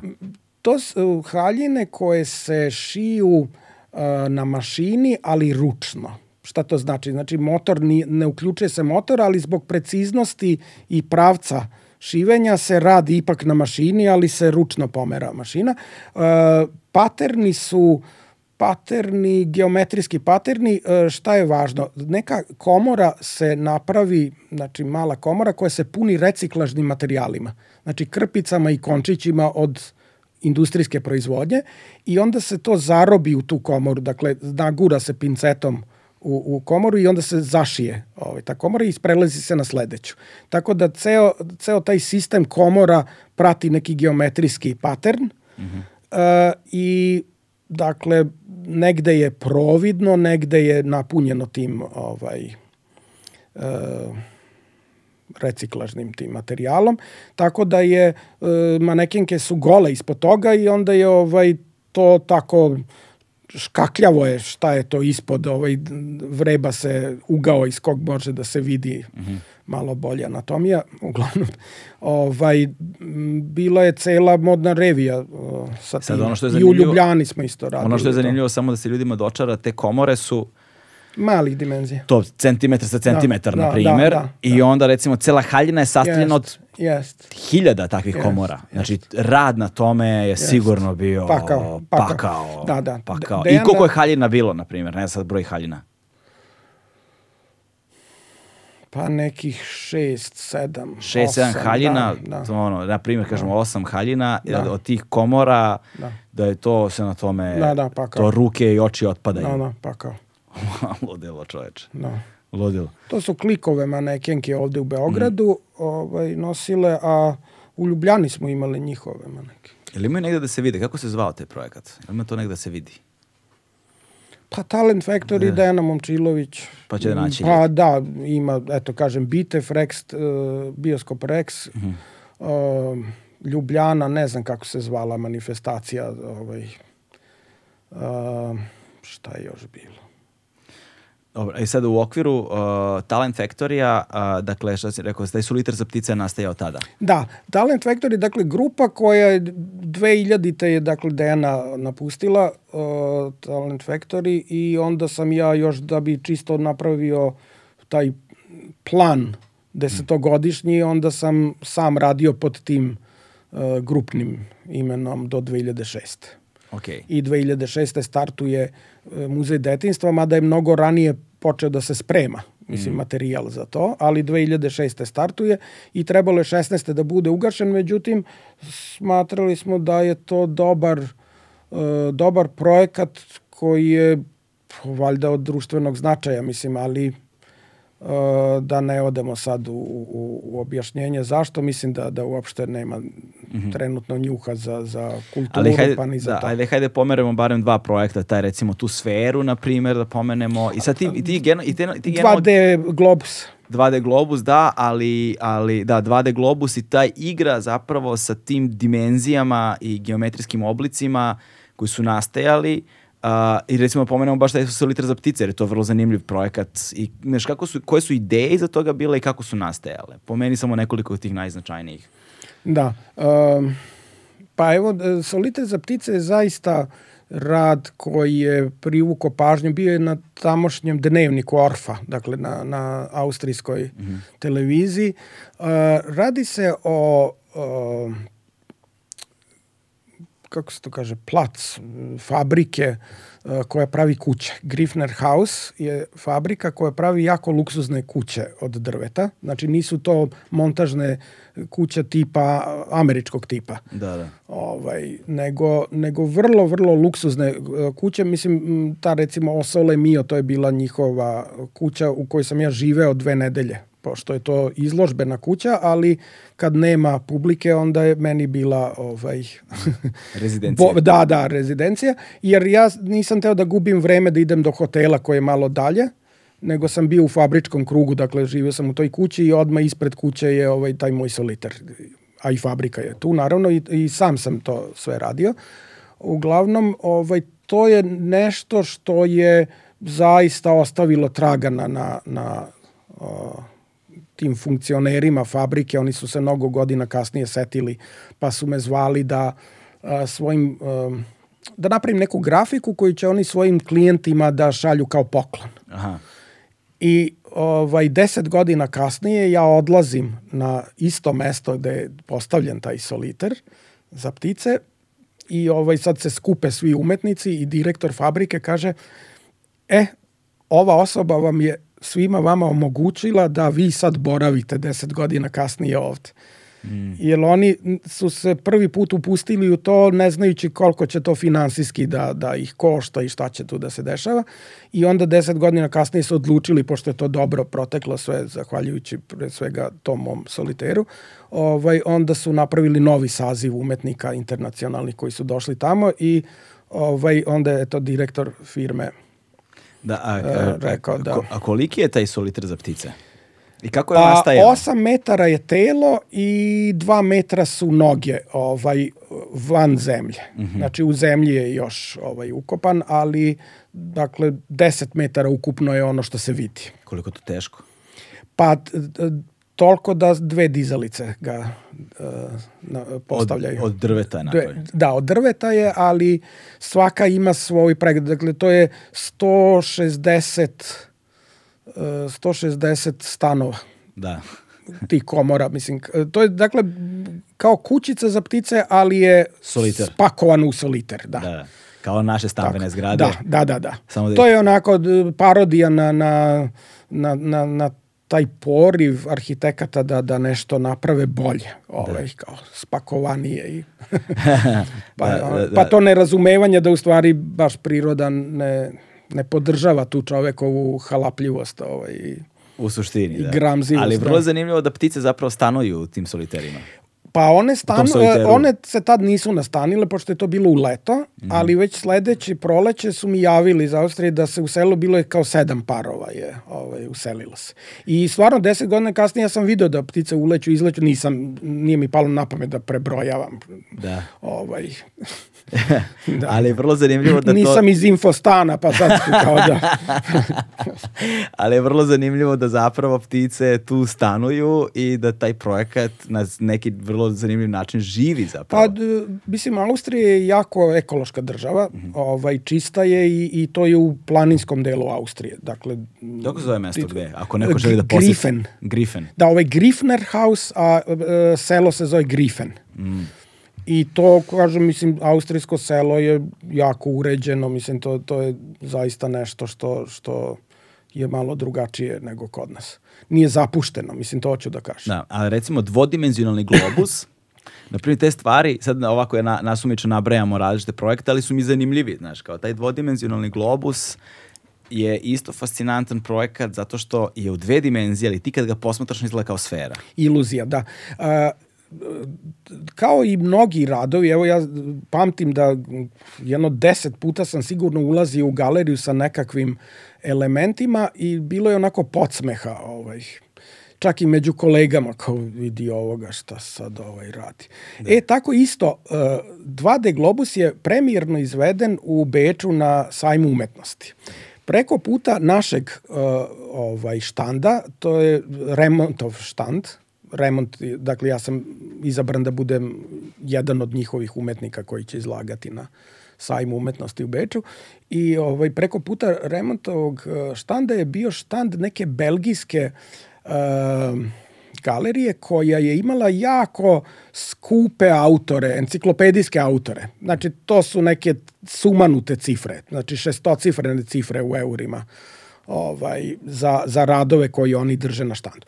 I sad kad sam ja krenuo da se raspakujem, a to je ovako jedna velika kutija puna makaza, I sad ja vidim oni se gurkaju laktima kao vidi ove slepce, gle šta će oni sad tu da rade. O, znači, bila je onako baš vidljiv pod, nisu, nisu krili uopšte da, da sa prezirom onako gledaju šta će da se desi. I sad dobro, oni su to svoje okačili za pet minuta, mislim to su ovaj, slike, skulpture, to okačili, otišli i dolaze sutra, a preko puta njih stoji 3,5 metra krug ovaj, iluzija trodimenzionalnosti, znači velike makaze u centru, pa onda prema periferiji sve manje i manje, dakle ne znam koliko, 150 i nešto ovaj, makaza. Uglavnom to prave iluziju e, sfere, kalote koja je na, na zidu, a u stvari zid je ravan, samo je iluzija da je to ovaj globus. Da. I onda nisu znali šta ih snašlo, mislim, zato što da. je došao najpoznatiji bečki galerista i teo je da kupi to. Međutim, kada je vidio koliko je komplikovano, odustao je, ali mislim ostali smo ono u najboljim odnosima, on onako kaže, a čoveče, mislim šta sam video, ono da sam umro ne bi znao da ova postoji. Ove, ja sam njega potpuno iznenadio. Znači on prodaje slike kako proda, skine, okači drugu. Dakle, on ima na štandu pet eksera, mislim. Da a ovo je nešto što ima stotine eksera, Pera Detlić došao i izbušio sve i on bi morao mene da, da non stop vodi sa sobom da je to instaliram, što je u onom momentu bilo sa onim vizama i, i čudima jako skupo. Da, ali zanimljivo je sad, tu se sad vraćamo na tvoje sakupljanje. Uh, gde si bre našao to, makaze toliki? Buvljak. Sve je to buvljak. je bre. Sve je buvljak. Koliko ti je trebalo da nađeš sve te makaze?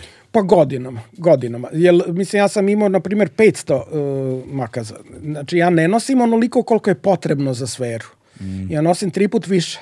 Da. Zato što kao slikar što na paleti gleda gde će da zabode četku, tako ja sa merdevina, uh, sa merdevina mm. Popnem se gore i gledam smotru makaza i gledam koji mi, uh, koja veličina i koji, koja vrsta mi odgovara.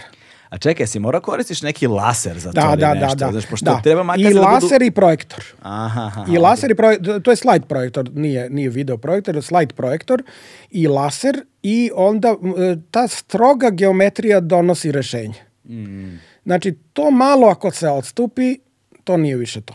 Da, da, da. da, da. Znači, tu je ta sumanuta preciznost e, presudna. Da. Znači, to pravi iluziju.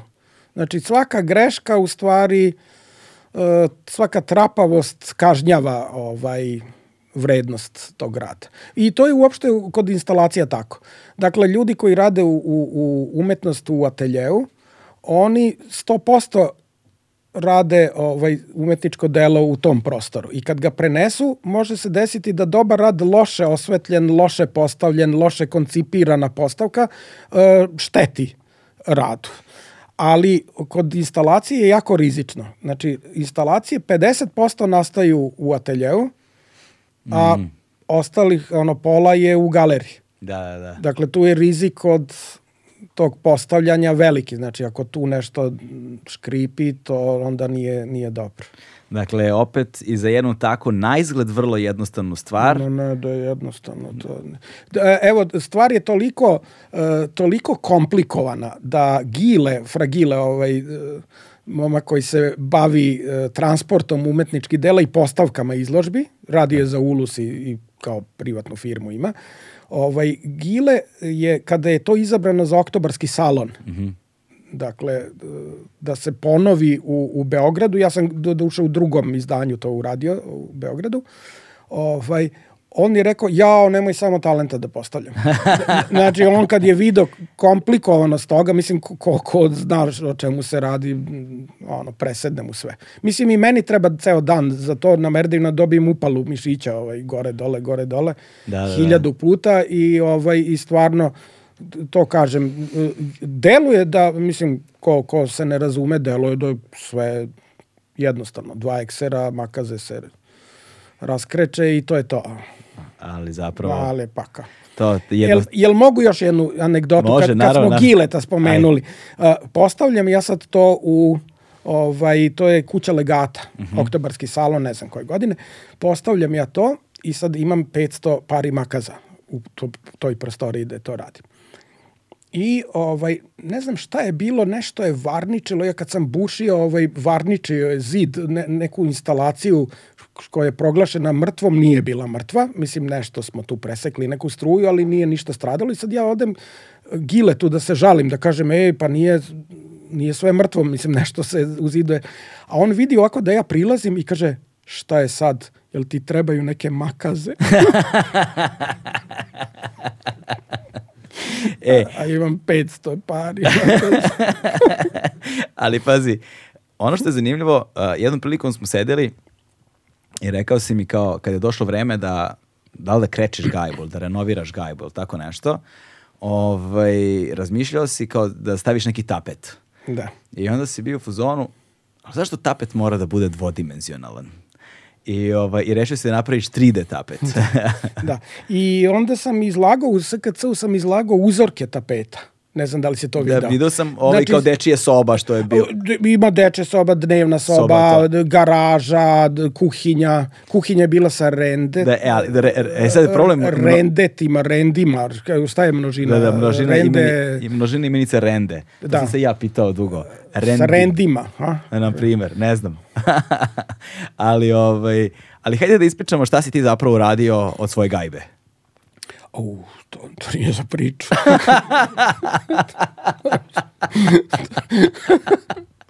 Ali to je fascinantno, znaš, Da. da ljudi mogu, da ljudima dočaramo kako izgleda kad dođete Da, kod da. pere na gajbu. Nekada. Ne, ne, ali evo šta, ne, nema veze, neko od članova neke familije Da, dođe i kaže, au bre čoveč, kaže, pa što ovo sve ne izbaciš i ne izdaješ?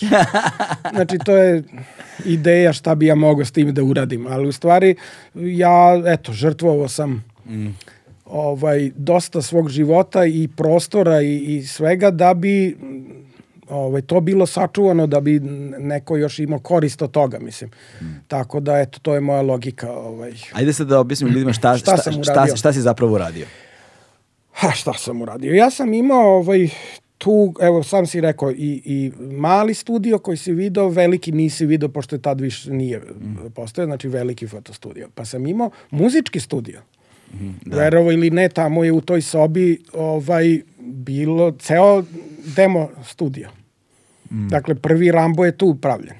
Mm. Pa onda smo ga preneli uh, Luka Vasa iz uh, Škripca, Luka i Vasa. I ja smo pravili studio kod Vase u nekoj kući nasleđenoj. I onda smo tu u stvari počeli ozbiljne snimke da pravimo. Ali prva programiranja sve je rađeno kod mene u, u onoj sobi u kojoj si bio.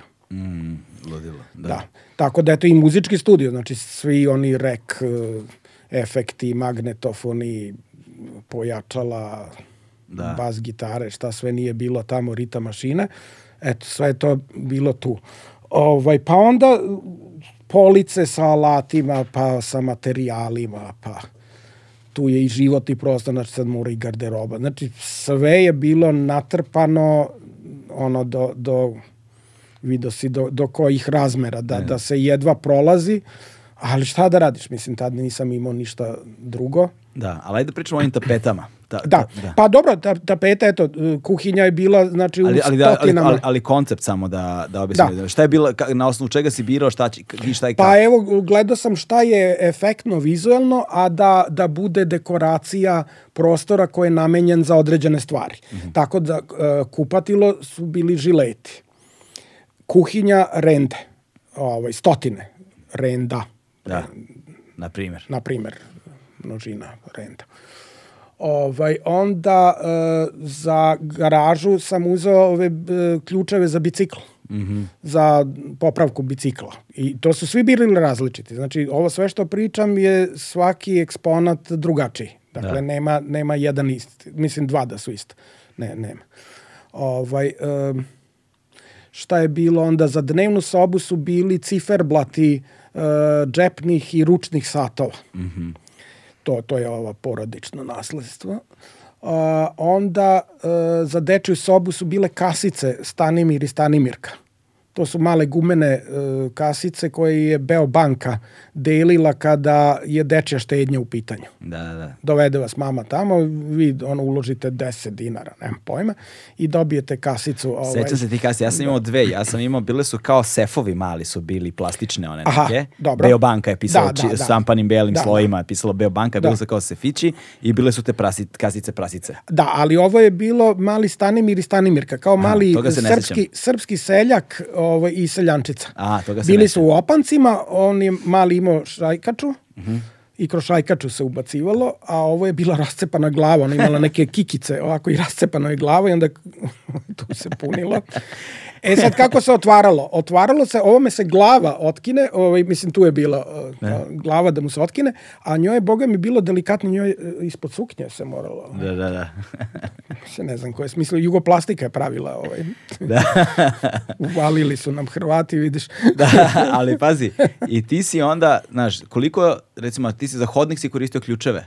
Da, za hodnik su bili ključevi. Ključevi. I sve isto različiti. E sad, a, Stari, starinski ključi, Da. ne ovaj patent, nego oni starinski na... na... Ja sada fore u tome, Kako- e, na primer, a, da bi obložio kuhinju rendima, koliko renda ti je bilo Da, ali potrebno? nije, nije, e, dva zida su bila. Dva zida, da. Dva zida su bila, nije, nije bilo sve, pošto je i na drugim zidovima bilo svašta, mislim, ali pa bilo je stotine renda. E sad, koliko ti je trebalo da sakupiš sva ta renda? Pa eto, rekao sam, sigurno jedno deset godina je sve trajalo, paralelno. Znači, nikad ja ne radim jednu stvar, ne jurim. Znači, ja odem na buvljak, kupim pet pari makaza, tri renda, ne znam, neke igračke za muzej, fotografije, ovaj, nešto od alata, nešto od materijala. Dakle, uvek je onako polifono traženo. Znači, nikad ni- nisam imao jednu stvar. To ljudi greše. E, nešto im treba, odu i kao, ma nema ništa na buvljaku. Da. Pa nema onog momenta kad ti treba,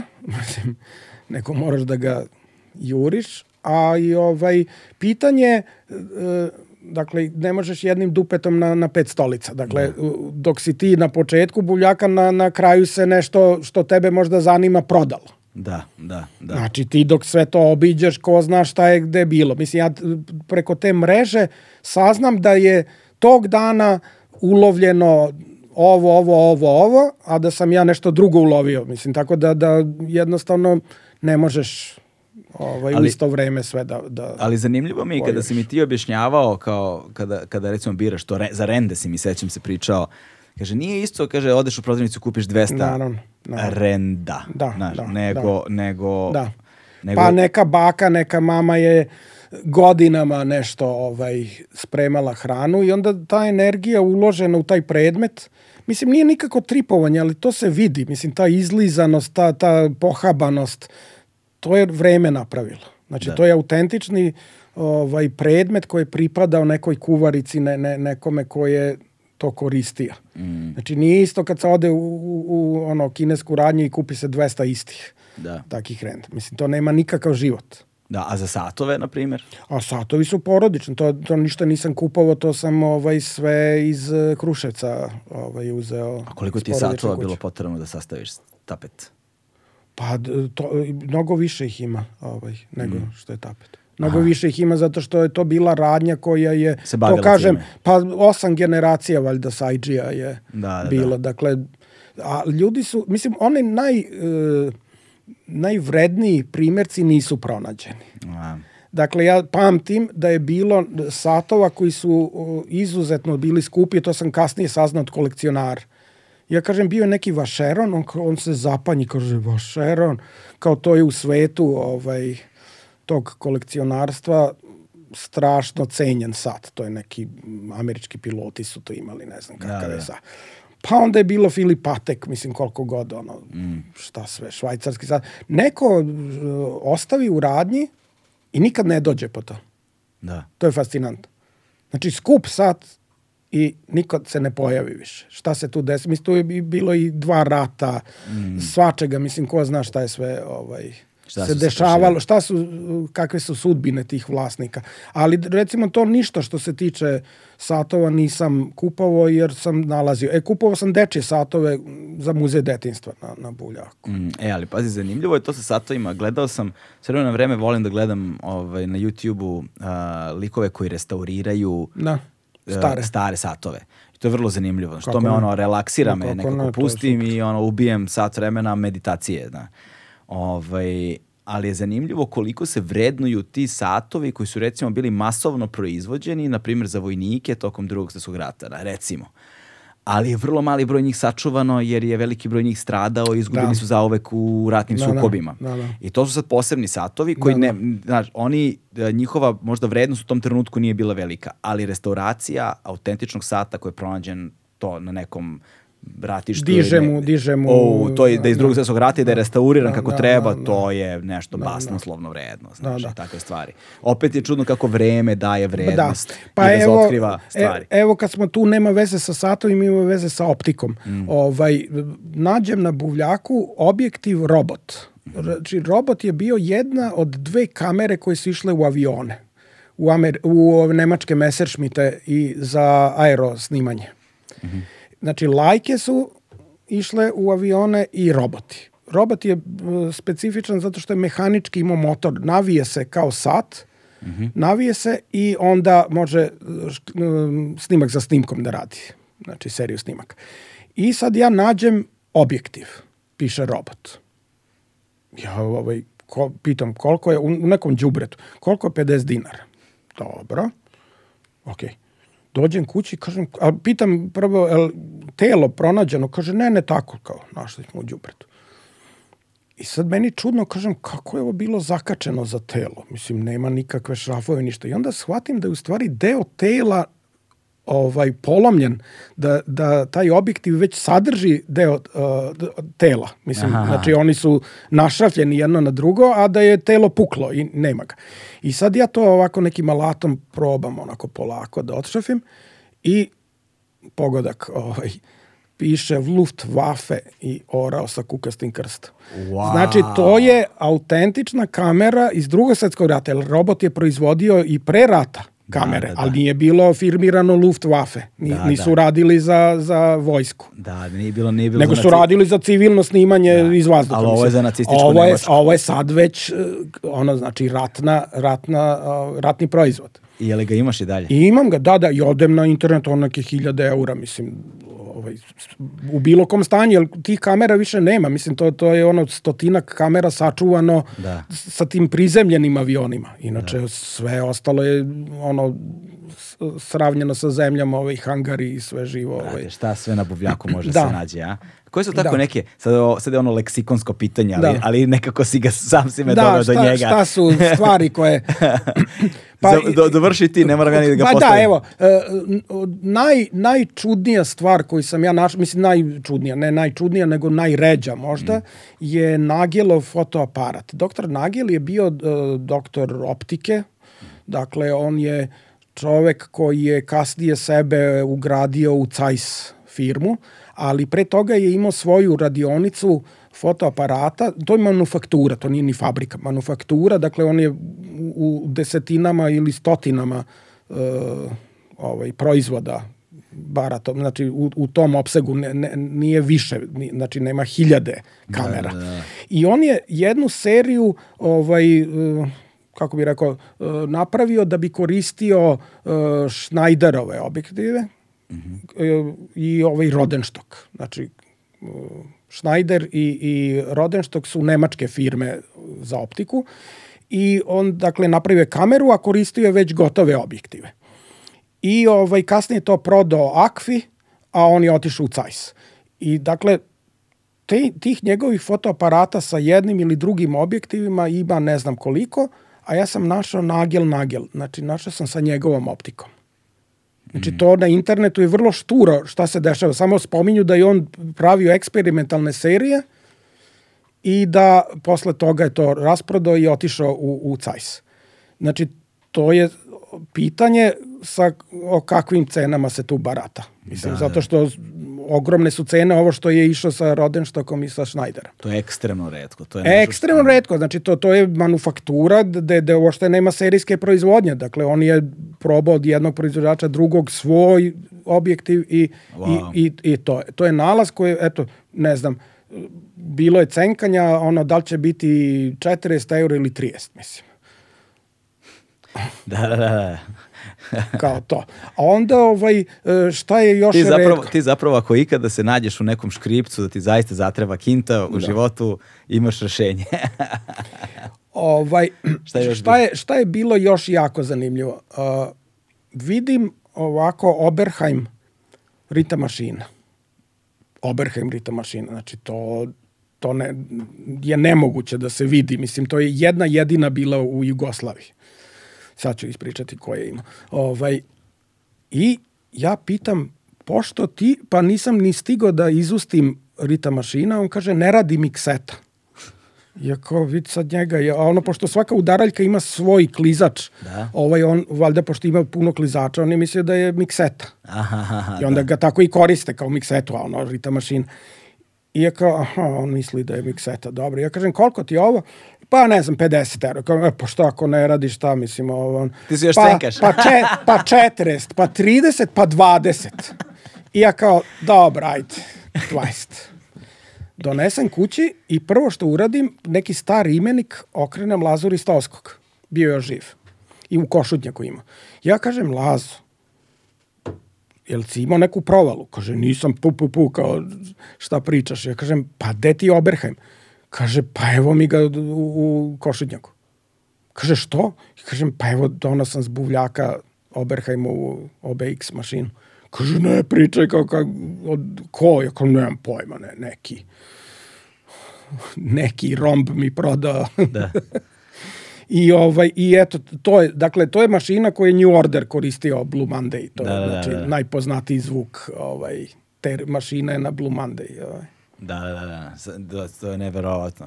Koliko bi to To je onaj gledao? sportski program je bio dugo godina Da. imao špicu Čekaj, čekaj, jel, jel radi mašina? A, mašina ne radi iz razloga što je baterija iscurela a, koja drži memoriju. Aha. Ali znači to sad neki elektroničar jako brzo može da, da otkloni, mislim nije, nije ništa. Mada to kažem, ovaj, nije meni to zbog muzike, ovaj, meni je to kao predmet ko, koji je bio 20.000 maraka, mislim, Da. ko, nečiji stan je koštao.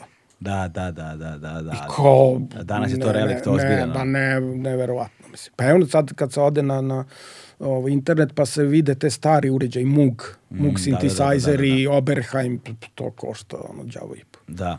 Ovaj, neverovatno čoveče, tolike Da, godine da. na buvljaku, pa Da, mislim, neko ko da. je svakog dana na buvljaku 40 godina, svakako da mora da, nađe ko zna šta Da. i provodi I- sate tamo, Da. traži ima, sve ima, svašta. postoji legenda, ja ne znam da li je istinito ili nije, ne mogu da proverim, ali ovaj, neki kolekcionari kažu, jao, da vidiš šta je čovek kupio, šta je čovek kupio?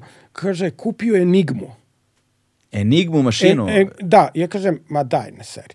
Kao, ozbiljno, ozbiljno, znaš šta je Enigma? Ja kažem, jel ti znaš šta je Enigma? Mislim, meni to deluje nemoguće. Da. Da je Enigma kupljena na kopnu ovaj, u, u zemun, na zemunskom buvljaku. Da, znači, ja to nisam video, mislim, ali kao taj dan, kao, jao, šta je kupio ispred nosa na muze, meni delovalo ko lovačka priča, mislim. Da, da, Enigma je baš ono... Da je Enigma, može se proda ne, milion eura. da, da, da, da, mislim, to je neverovatno, da. Mislim, smitovi i sve oko Enigme je potpuno van ne, pameti. pa film snimljen oko Da. Enigme kako je dešifrovano, mislim, Da, da. meni to nešto nemoguće. Mm. Pogotovo što u filmu kaže da je ostalo ne znam koliko njih živih ovaj. Da, da, Po da. muzejima drže ono sve što su potopili podmornice nema više Enigme, mislim. Haos, I čoveče. bile na kopnu i to je zarobljeno i, znaš, gde... Da, to deluje kao lovačka priča. Jel tako? Meni- Pa, meni deluje. Mislim, ne, ne moguće mi je da je neko to našao na zemunskom buvljaku, ono. Znaš, to je baš neverovatno. Da, i kao ovaj ne zna šta prodaje, a ovaj zna šta kupuje, ali baš nije siguran da li je to to, znaš. Mm. Znaš, i da neko ne zna šta prodaje, da je to tako završilo. I da to, znaš, Dobro, ljudi često ne znaju šta prodaje. ali, ali je dobro, taj konkretno koji, koji, koji ne zna šta prodaje, ali znaš, koliko je to ruku moralo da prođe, da stigne do toga. Ali dobro vidi ima, evo, drugi neverovatan događaj koji je istinit, zato što više ljudi priča koji su bili ovaj, tada. E, znači, ciganka prodaje stari radio. aparat, stari radio. I neki tip se cenka sa njom i ne onako unižava joj cenu, ona neće da pristane i kaže, ba evo za te pare ću da ga razbijem. I razbije ga. I ispadne krpa, nešto zap, u krpi umotano. I kaže, zlata nakit. Wow. Neko je sakrio, ko zna kad, za vreme rata. Da. To je stari radio, sakrio je nakit u, u ovaj krpu Mm, i u, stavio, zašafio nazad onaj lesonit Mm. i, ovaj, i to, to se pojavilo kad je ona razbila to. Wow. A često se dešava da oni recimo tako su, um, kako bi rekao, prodavci su revoltirani e, tim spuštanjem cena i onda kaže, e, vala, sad ću ga pocepam i, mislim, uzme i iscepa nešto ili ovaj, polom ili tako, zato što, kao, eto, Jasno. jednostavno, Jasno, jasno. Hajde da se bacimo malo na Ajde. muzej detinjstva. ajde. Ovaj, muzej detinjstva je takođe jedan megalomanski projekat ovaj, koji Ah, Ovo je obiman čoveče. Na, ti, kada, si- ti kada si izlagao muzej detinjstva, ti si zapravo mogao da izložiš samo delić, segment toga koji je mogao da bude nekako vizualno prikazan da to reprezentativno Da, da. Pa nikad nije moglo u celom obimu da se pokaže. Ne. Ovaj, ali evo... Ajde da počnemo muzeju- samo sa muzejom detinjstva. Da. Kad, kada i kako počinje da se razvija ideja o muzeju detinjstva? Ma davno se razvija, ali nije bilo artikulisana kao muzej uopšte. Znači, ja, jedna od mojih rudnika ovaj, je detinstvo. Dakle, ja kopam po svojim igračkama, po svojim sveskama, ovaj, razne neke ideje koje nisu direktno naslonjene na to, ali indirektno ovaj dakle provejava nešto iz tog perioda, ovaj što se kasnije oblikuje u, u neku produkciju, ali ovaj dakle kopam po igračkama, po garderobi staroj, po, znači na, postojali su ranije radovi koji su e, napravljeni od autentičnih mojih odevnih predmeta. Recimo, jugoslovenska zastava, ovaj, koji sam izlagao nekoliko puta, je, um, da sam malo žulja, Uh, jugoslovenska zastava je ovako tri ofingera, na svakom je po jedan odevni predmet. Ovaj, znači, plavo je neka majčica sa kratkim rukavima. Znači, ja kad sam bio dete, ono, baš dete, dete, ovaj, 4-5 godina, e, majica, pa onda e, ova pod, podkošulja, kako se zove, bela i onda košuljica crvena. I to je ovako naslagano kao i, i trobojka jugoslovenska, bez petokrake, ali tako. I ja sam to izlagao, ne znam koje godine i ne znam gde, Ulus i još sam negde, ne sećam se više, u Čačku možda. Ovaj, tako da, da, eto, to je bukvalno nešto što je eksponat muzeja detinstva, ali pre nego je uh, oformljen muzej da. detinstva kao ideja i projekat. O, tako da je ranije krenulo i ta akumulacija tih stvari koje su ove, igračke i koje čega, a onda 2006. dakle se oblikuje ideja da pod tim imenom može da se izlaže i recimo e, idem na turneju Niš, Leskovac, Vranje ne znam šta je bilo, neko je napravio poziv, muzeji su se povezali, dakle imao sam prezentaciju, znam u Vranju u muzeju, mm. Narodnom muzeju Vranje. Tam, tamo je njima bilo zanimljivo kako neko ko skuplja stare stvari i kako ovaj misli da napravi muzej od tog perioda ovaj svačijeg života je li. Tako da e, eto to je sam početak muzeja. A onda recimo 2009 2009. e, muzej primenjenih imam fo, izložbu fotografija iz arhive Muzeja detinstva. I celo prizemlje je dakle bilo puno fotografija, a to je 5% onoga što je arhiv Muzeja detinstva. Da, da, da. Znači, cela etaža jedna je bila samo fotografije i to nije uopšte, dakle, ceo fundus, nego 5% toga. Ovaj, e, onda, ne znam, u Subotici isto ovaj muzej, cela etaža, dakle, ne znam koliko, 6-7 soba, mm. su eksponati raznorazni. Pa onda, ne znam, e, muzej istorije Jugoslavije, pa tako srpski ogranak, ovaj, e, e, ogranak Srpske akademije nauka i umetnosti u Novom Sadu. da. tamo. Pa šta znam, sad bi morao da, da imam listu ovaj, izložbe, a, a imam problem sa pamćenjem. Pa da, zato što moraš da sačuvaš hard disk za druge stvari. Jeste, jeste. Pa ne oko 90 samostalnih i preko 300 uh, kolektivnih izložbi. To, mislim, ne mogu držim u glavi nikako. Da, da, da. Ovaj, i, ali, dakle, muzej e, detinstva je gostovao na, na raznim mestima i da, Galerija Srbija koja više ne postoji u Da. Nišu. A šta je zapravo okosnica oko galerije detinjstva i zašto je ona toliko značajna? Muzej detinstva. Mu, ne pardon. Da. muzej detinjstva, da. Pa e, to ovaj, iskreno ja gledam kao realnu instituciju. Dakle, ona nema prostor u kome e, se može videti, ali ovaj, mislim da je ono od društvenog značaja. Mislim Da, da, da, šta- da šta- postoji šta- šta- institucija da, šta- koja je... Da, šta nju sve sačinjava, naš? Da, pa evo, u, u detinstvu u najširem uh, obliku. Dakle, tu postoji ono nega deteta. Dakle, kutije kremica za, za bebe. Pa razno razno, četke, znači sva ta higijena i, i briga za negu deteta. Pa onda idu ovaj pribori za jelo od onih flašica cucli do, do realnog estajga, mislim, za malo stariju decu. Pa onda idu odevni predmeti, ide školski pribor, idu igračke, fotografije, literatura, razno razna literatura, što školska, što slikovnice, predškolska, znači na, na, na raznim nivoima. E, Dakle, e, ide deče stvaralaštvo blokovi e, za likovno, pa onda ne znam sveske i tako sve to muzički instrumenti Mm. e, pri, e, prilagođeni dečijem uzrastu. Dakle, Da, da, da. mali, mali instrumenti. E, jako, jako je ovaj kako bi rekao opširno to šta su sve kategorije u muzeju detinjstva. koje su međe, ko, čime se o, o, o, o, o- opisuju ono ivice, granice detinjstva u, tvo, u tom, kako, na koji način ti to vidiš? Znači, Od rođenja do srednje škole. od rođenja do srednje škole, da. Okej. Znači A- kraj osnovne škole, znači imamo đačke knjižice koje su za osnovnu školu. Znači postoje i, i ove knjižice za gimnaziju, to nas više ne zanima. To, Okej, to, dakle, to do je- kraja osnovne to je, škole. Pa da, to je neka ugrubo. Mislim sad u raznim Da, šta sredinama je- su te šta- granice drugačije nego kod nas. Da, a zbog čega baš detinjstvo? Šta je to što u vizualnoj reprezentaciji muzeja je detinjstvo tako značajno? Pa ja mislim, prolaznost ja mislim, da, ja mislim da ovaj uvek posežemo za tim bezbrižnim periodom, a ukoliko je bilo bezbrižno. Mislim, zato što neko je odrastao u ratu, pa mu je detinstvo nikako, mislim, krvavo. Ovaj, tako da nije, nije to. Ali opet detinstvo je detinstvo. Imamo onaj čudan primer, ovaj, knjiga i film Zabranjene igre.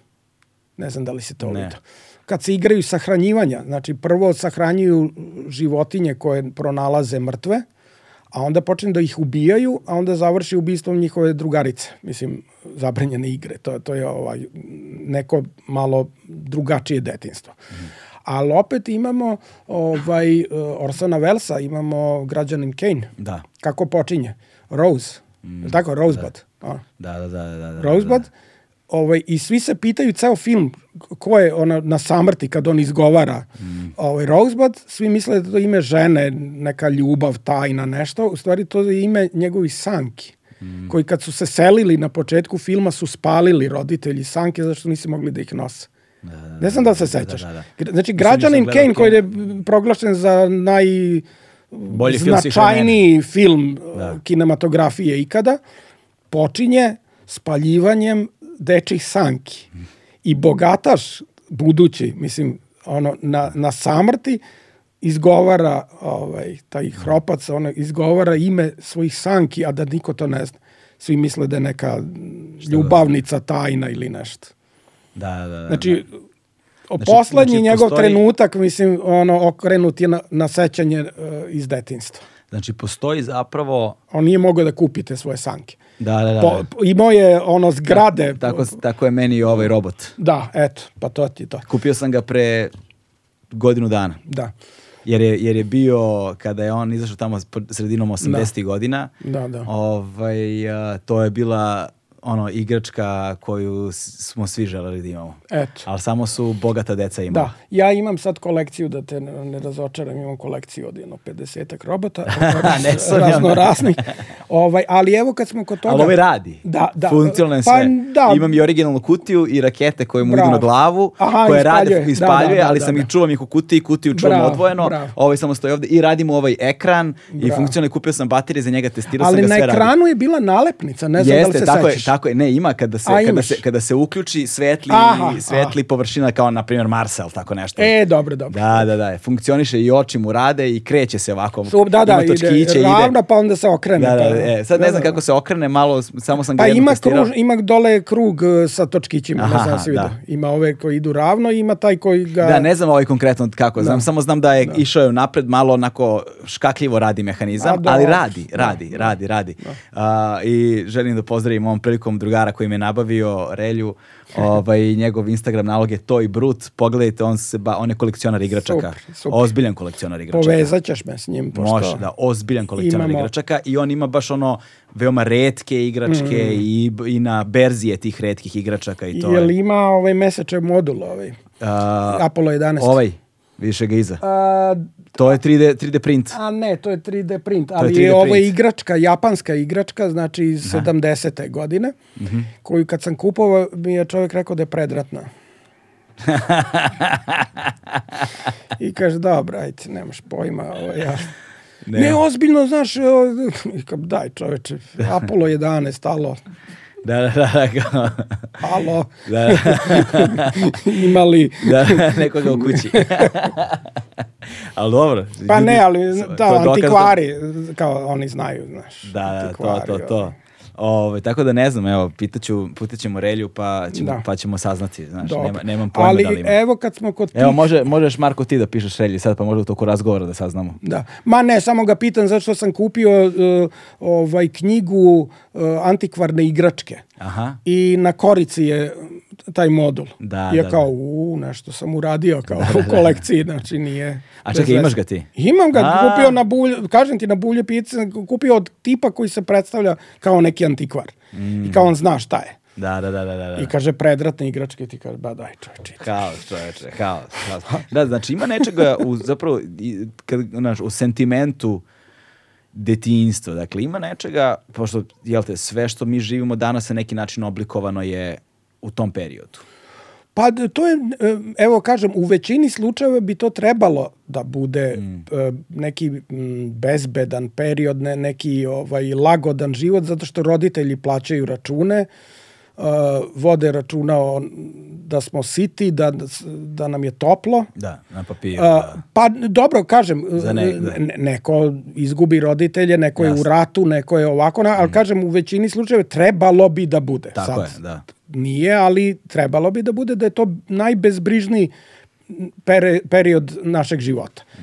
Jer kad krene to briga o porodici, ovaj računi, posao, dakle nije više to tako lagodno kao što je bilo kad smo se Mm.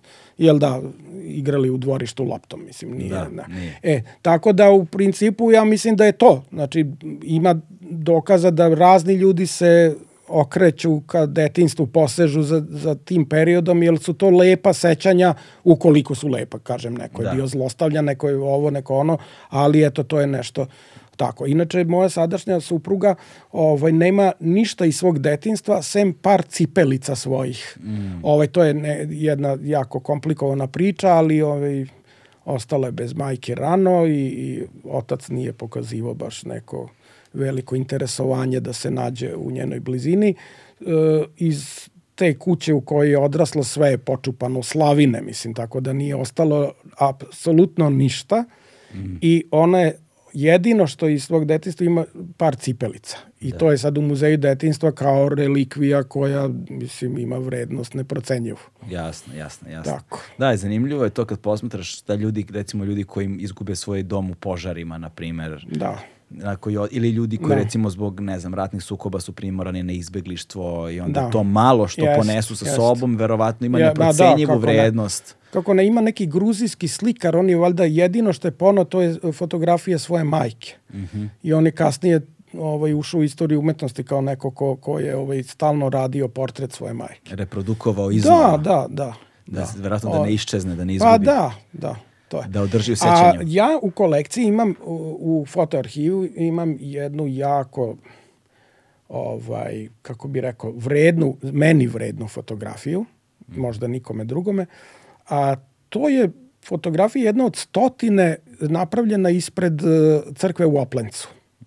Dakle, stotine tih fotografija gde su razna deca, ljudi, koje čega ispred e, crkve u Oplencu i isto je tako ovde skupina devojčica u narodnoj nošnji ispred na stepeništu. Ovaj. I sad ništa neobično. Sad se okrene druga strana i piše e, na ekskurziji 36. tu smo kao četvrta godina osnovne škole, ovaj, fotografija oštećena u ratu 96.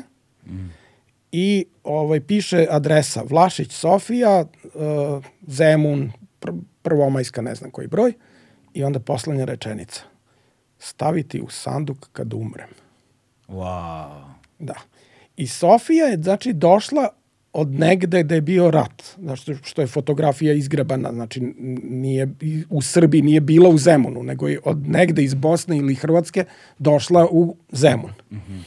I tražila je od svojih potomaka da to njenu fotografiju kad je ona bila mala stave u sanduk sa njom. I ovi ništa dođu, pokupe nakit, prodaju kuću i Sofija u kantu za đubre, mislim. Da, da. Tako da, ovaj, hoću da kažem, eto, ona je s- čuvala tu fotografiju iz ratnog nekog područja i donela sa sobom. Znači, sebe kao devojčicu sa svojim drugaricama. Da, hajde sad da se pozabavimo malo fotografijama. Ajde. Pošto su fotografije takođe ogroman deo tvog i ovako, ako ljudima do sad nije jasno, a nadam se da jeste, ovaj, opusa koji je ja ne, ne, ne, mogu, mislimo da obuhvatim dimenzije toga što si ti sve sakupio na buvljaku za posljednjih 40 godina svog života. Ovaj, šta sve ti imaš po tim svojim skladištima i arhivama, što je na neki način i sistematizovano, što mu daje dodatnu vrednost. Nedovoljno sistematizovano. Nedovoljno Nedovoljno sistematizovano. Nemoj da, da ispadne sve idealno, a, a treba mi još 500 života da sve sredim. ovaj, um, jedna od stvari koje radiš jeste da ti već decenijama sakupljaš te odbačene stare fotografije. Preuzete uspomene, ja to zovem. Preuzete uspomene, Preuzete da, da kupuješ, ono, kako si rekao u jednom trenutku razgovoru negde ranije, a, imaš dobavljače svoj koji kad ti, kad, ti, kad ti jave, kaže, "E, stigla mi kutija od banana puna fotografija. A, I video sam brojne neke radove koji su pored ajde muzeja detinjstva ko, koje smo pominjali, svadbena torta, na primjer, je zanimljiv, Da, zanimljiv da, da. koncept u Da, kojem da. si a, na, gomilu tih nekih a, nasumičnih svadbenih fotografija sa venčanja sistematizovao u jedan a, geometri, ono, u oblik torte, svadbene Da, torte. da, da, torta na sprat i puna je ovaj, fotografija uh, venčanja, mislim, odnosno samo mladenci, Da, a na vrhu je pravi ukras za torte. Ovaj. da. Mla, mladenci koji Da, te to na to je, taj rad je kupila, kupila je ovaj, uh, uh, ni, u Nišu, ovaj, Galerija Srbija, samo oni se više ne zovu Srbija, nego ne znam sad kako su Mhm. savremena galerija ili ne znam. Dobro. Oni su uzeli ovaj, a, kada si, š- šta za tebe, koju, kakvu vrednost za tebe imaju te fotografije? Opet je vreme neko u pitanju, ali ti narativi koje, kako ih konstruišeš, kako ih gradiš, šta je to zbog čega se tako obsesivno vraćaš tim fotografijama? Da, pa mislim, meni je meni lično je fotografija najveći izum uh, čovekov. Dakle, ne točak, ne internet. Znači, meni je fotografija jedina, uh, jedin je, um, kako bi, moment u kome je on uh, prevario smrt, mislim. Da. Znači, zaustavio vreme. Mislim, jednostavno, ovaj, to mi je... Ajde sad, kinematografija je samo pokretna fotografija, mislim, nije... Jasno. Ali, znači, sama fotografija, taj jedan trenutak uh, zaleđen u vremenu je meni najfascinantnije nešto što je čovek ikad uradio. Znači, ta informacija koju imamo toliko godina posle, kada više nema tih aktera iz kadra, ona nam donosi taj trenutak ponovo. Da. Znači, meni je to fascinantno. Znači, naj, najveći ljudski izum ikada. Tako da, eto, ja polazim od toga da, da e, to što je zabeleženo na fotografijama je e, van, van svake fin, ono, novčane vrednosti. Mislim, to, to je znači, nešto što oživljava čovekovo ovaj, bivstvovanje. Dakle, ne, nešto što je neki, vr, neka vrsta uh, moćne arheologije. Dakle, mi uh, iz arheologije dobijamo predmete, artefakte i uh, mogućnost rekonstrukcije šta, šta je rađeno s time i kako su ljudi živeli. Ali ovde je uh, istinit trenutak nečeg života. Znači, tu nije više naša rekonstrukcija šta se tu moglo dešavati, nego je to baš to. Da. Da, i nema više Znači- ni tih aktera, nema više ni onih koji su fotografisali. Ne, ne, ne, ne, nema, nema, A verovatno nema više ni tih kuća, ni tog ne, mesta, ni ni, ničega. ničega, ničega više nema. Mislim, samo ta, ta, to mesto i ti ljudi i taj trenutak. Mm. I to putuje kroz vreme nepromenjeno. Da. Znači, meni je to naj, najveća fascinacija. Dakle. I sad, šta je karakteristika moje kolekcije? Znači, ne, ne ta m, m, novčana vrednost.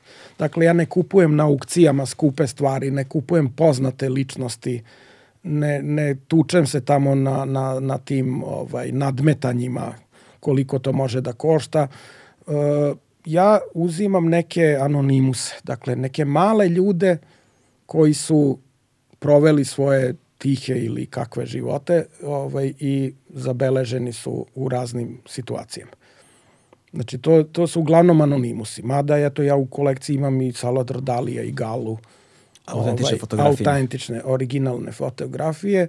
Ovaj, imam uh, razne čuvene sportiste, političare, svašta Mm. nešto. Ali Ali mislim to, eto, kažem... koliko fotografija imaš ukupno? Nešto, nešto, nešto, stotine hiljada. Stotine hiljada fotografija. Pa svake nedelje malte ne uđe hiljadu fotografija u arhiv. Uf, Odabrani, jel- mislim, jel- jel imaš- jel ima- jel imaš- selektovanih. Na ne. osnovu čega biraš fotografiju? Šta je to što znaš? Opet intuicija. Opet intuicija. Dakle, e, ranije sam skupljao ovaj, decu sa igračkama, kao kad vidim ljulja konjiće, lopte, muzičke instrumente, svašta nešto. E, onda se to počelo širiti. I ovaj, danas je došlo do toga da može da bude ništa od rekvizita u kadru, a da je poza zanimljiva. Mm.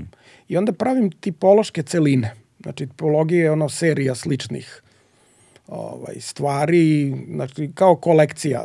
Znači, može neko biti naslonjen ovaj, na, na neki postament, na nešto i onda uh, kada vremenom ovaj, pregledavam razne fotografije, dolazim do toga da na svaka, recimo, hiljadita je slična poza. Mm. I onda to počinjem da uzimam. Znači, opet intuicija. Učini mi se da bi to moglo biti stereotip poziranja Da, i, da. i jedan primjerak ništa mi ne govori. Dakle, to je onako kuriozitet, izuzetak, ne znam šta. Dva, već daje mogućnost da postoji treći. Da. Treći već je pravilo. Znači, uspostavljena je kategorija. Dakle, Da, da, da. ako ga ima tri, ima ga 5003, mislim. Koje su neki od najznačajnijih ili najsnažnijih fotografija pored ove sa Oplenca ovaj, koje, koje imaš? Pa šta znam, tu su, na primjer, iz Prvog svetskog rata odlazak na front. Mm. Pa onda taj voz koji će ih odneti, a samo će se neki vratiti. Mislim, znači ti vojnici koji razlače harmonike, piju nešto, slave, ovaj, onda će se bez nogu ruku ili, ili se uopšte neće vratiti, mislim. Znači, to su tako te neke potrese stvari. Znači, nema onako jedan koma da kažem sad to je, mm. ne znam kakav vrednost. Ima, recimo, uh, avion dvokrilac, pa onda ti neki prvi naši piloti ovaj, Da. poziraju ispred aviona, pa onda šta znam šta sve tu ima, mislim sportisti razni, životinja. Mislim, meni je, kako bih rekao, ja sam iz, izjednačio sve to u, u toj njihovoj anonimnosti. Da, ali... Znači, daj neki odnos, recimo, kućnog ljubimca i, i ljudi, kad oni plešu ili ne, ne znam šta, jako, jako, jako intimna stvar, a, a, ovaj, a niko važan u kadru. Da. A mislim, prepozna se ovaj, ne, ne, nekom empatijom se dođe do toga da, da kao Identifikuješ saosećamo. Pa da, mislim, saosećamo ono, za kim zvona zvona, kao, za, Da. to, za tobom. Da, i i identifikuješ se kroz identifikaciju dolazi do empatije, ali sad to nužno vodi, ne nužno, ali poziva na neki način kako sad taj odnos prema anonimnim ljudima na fotografijama služi kao gledalo ili plato na kome se oslikavaš ti. Tvoj život, kako je izgleda onda tvoj odnos prema fotografijama iz ličnog života? Pa, sad je komplikovano pitanje. U stvari, e, ono što ja radim kroz ovu kolekciju, to je, e, da kažemo, akumulacija male istorije. To ja zovem e, mala istorija ovaj, fotonagona.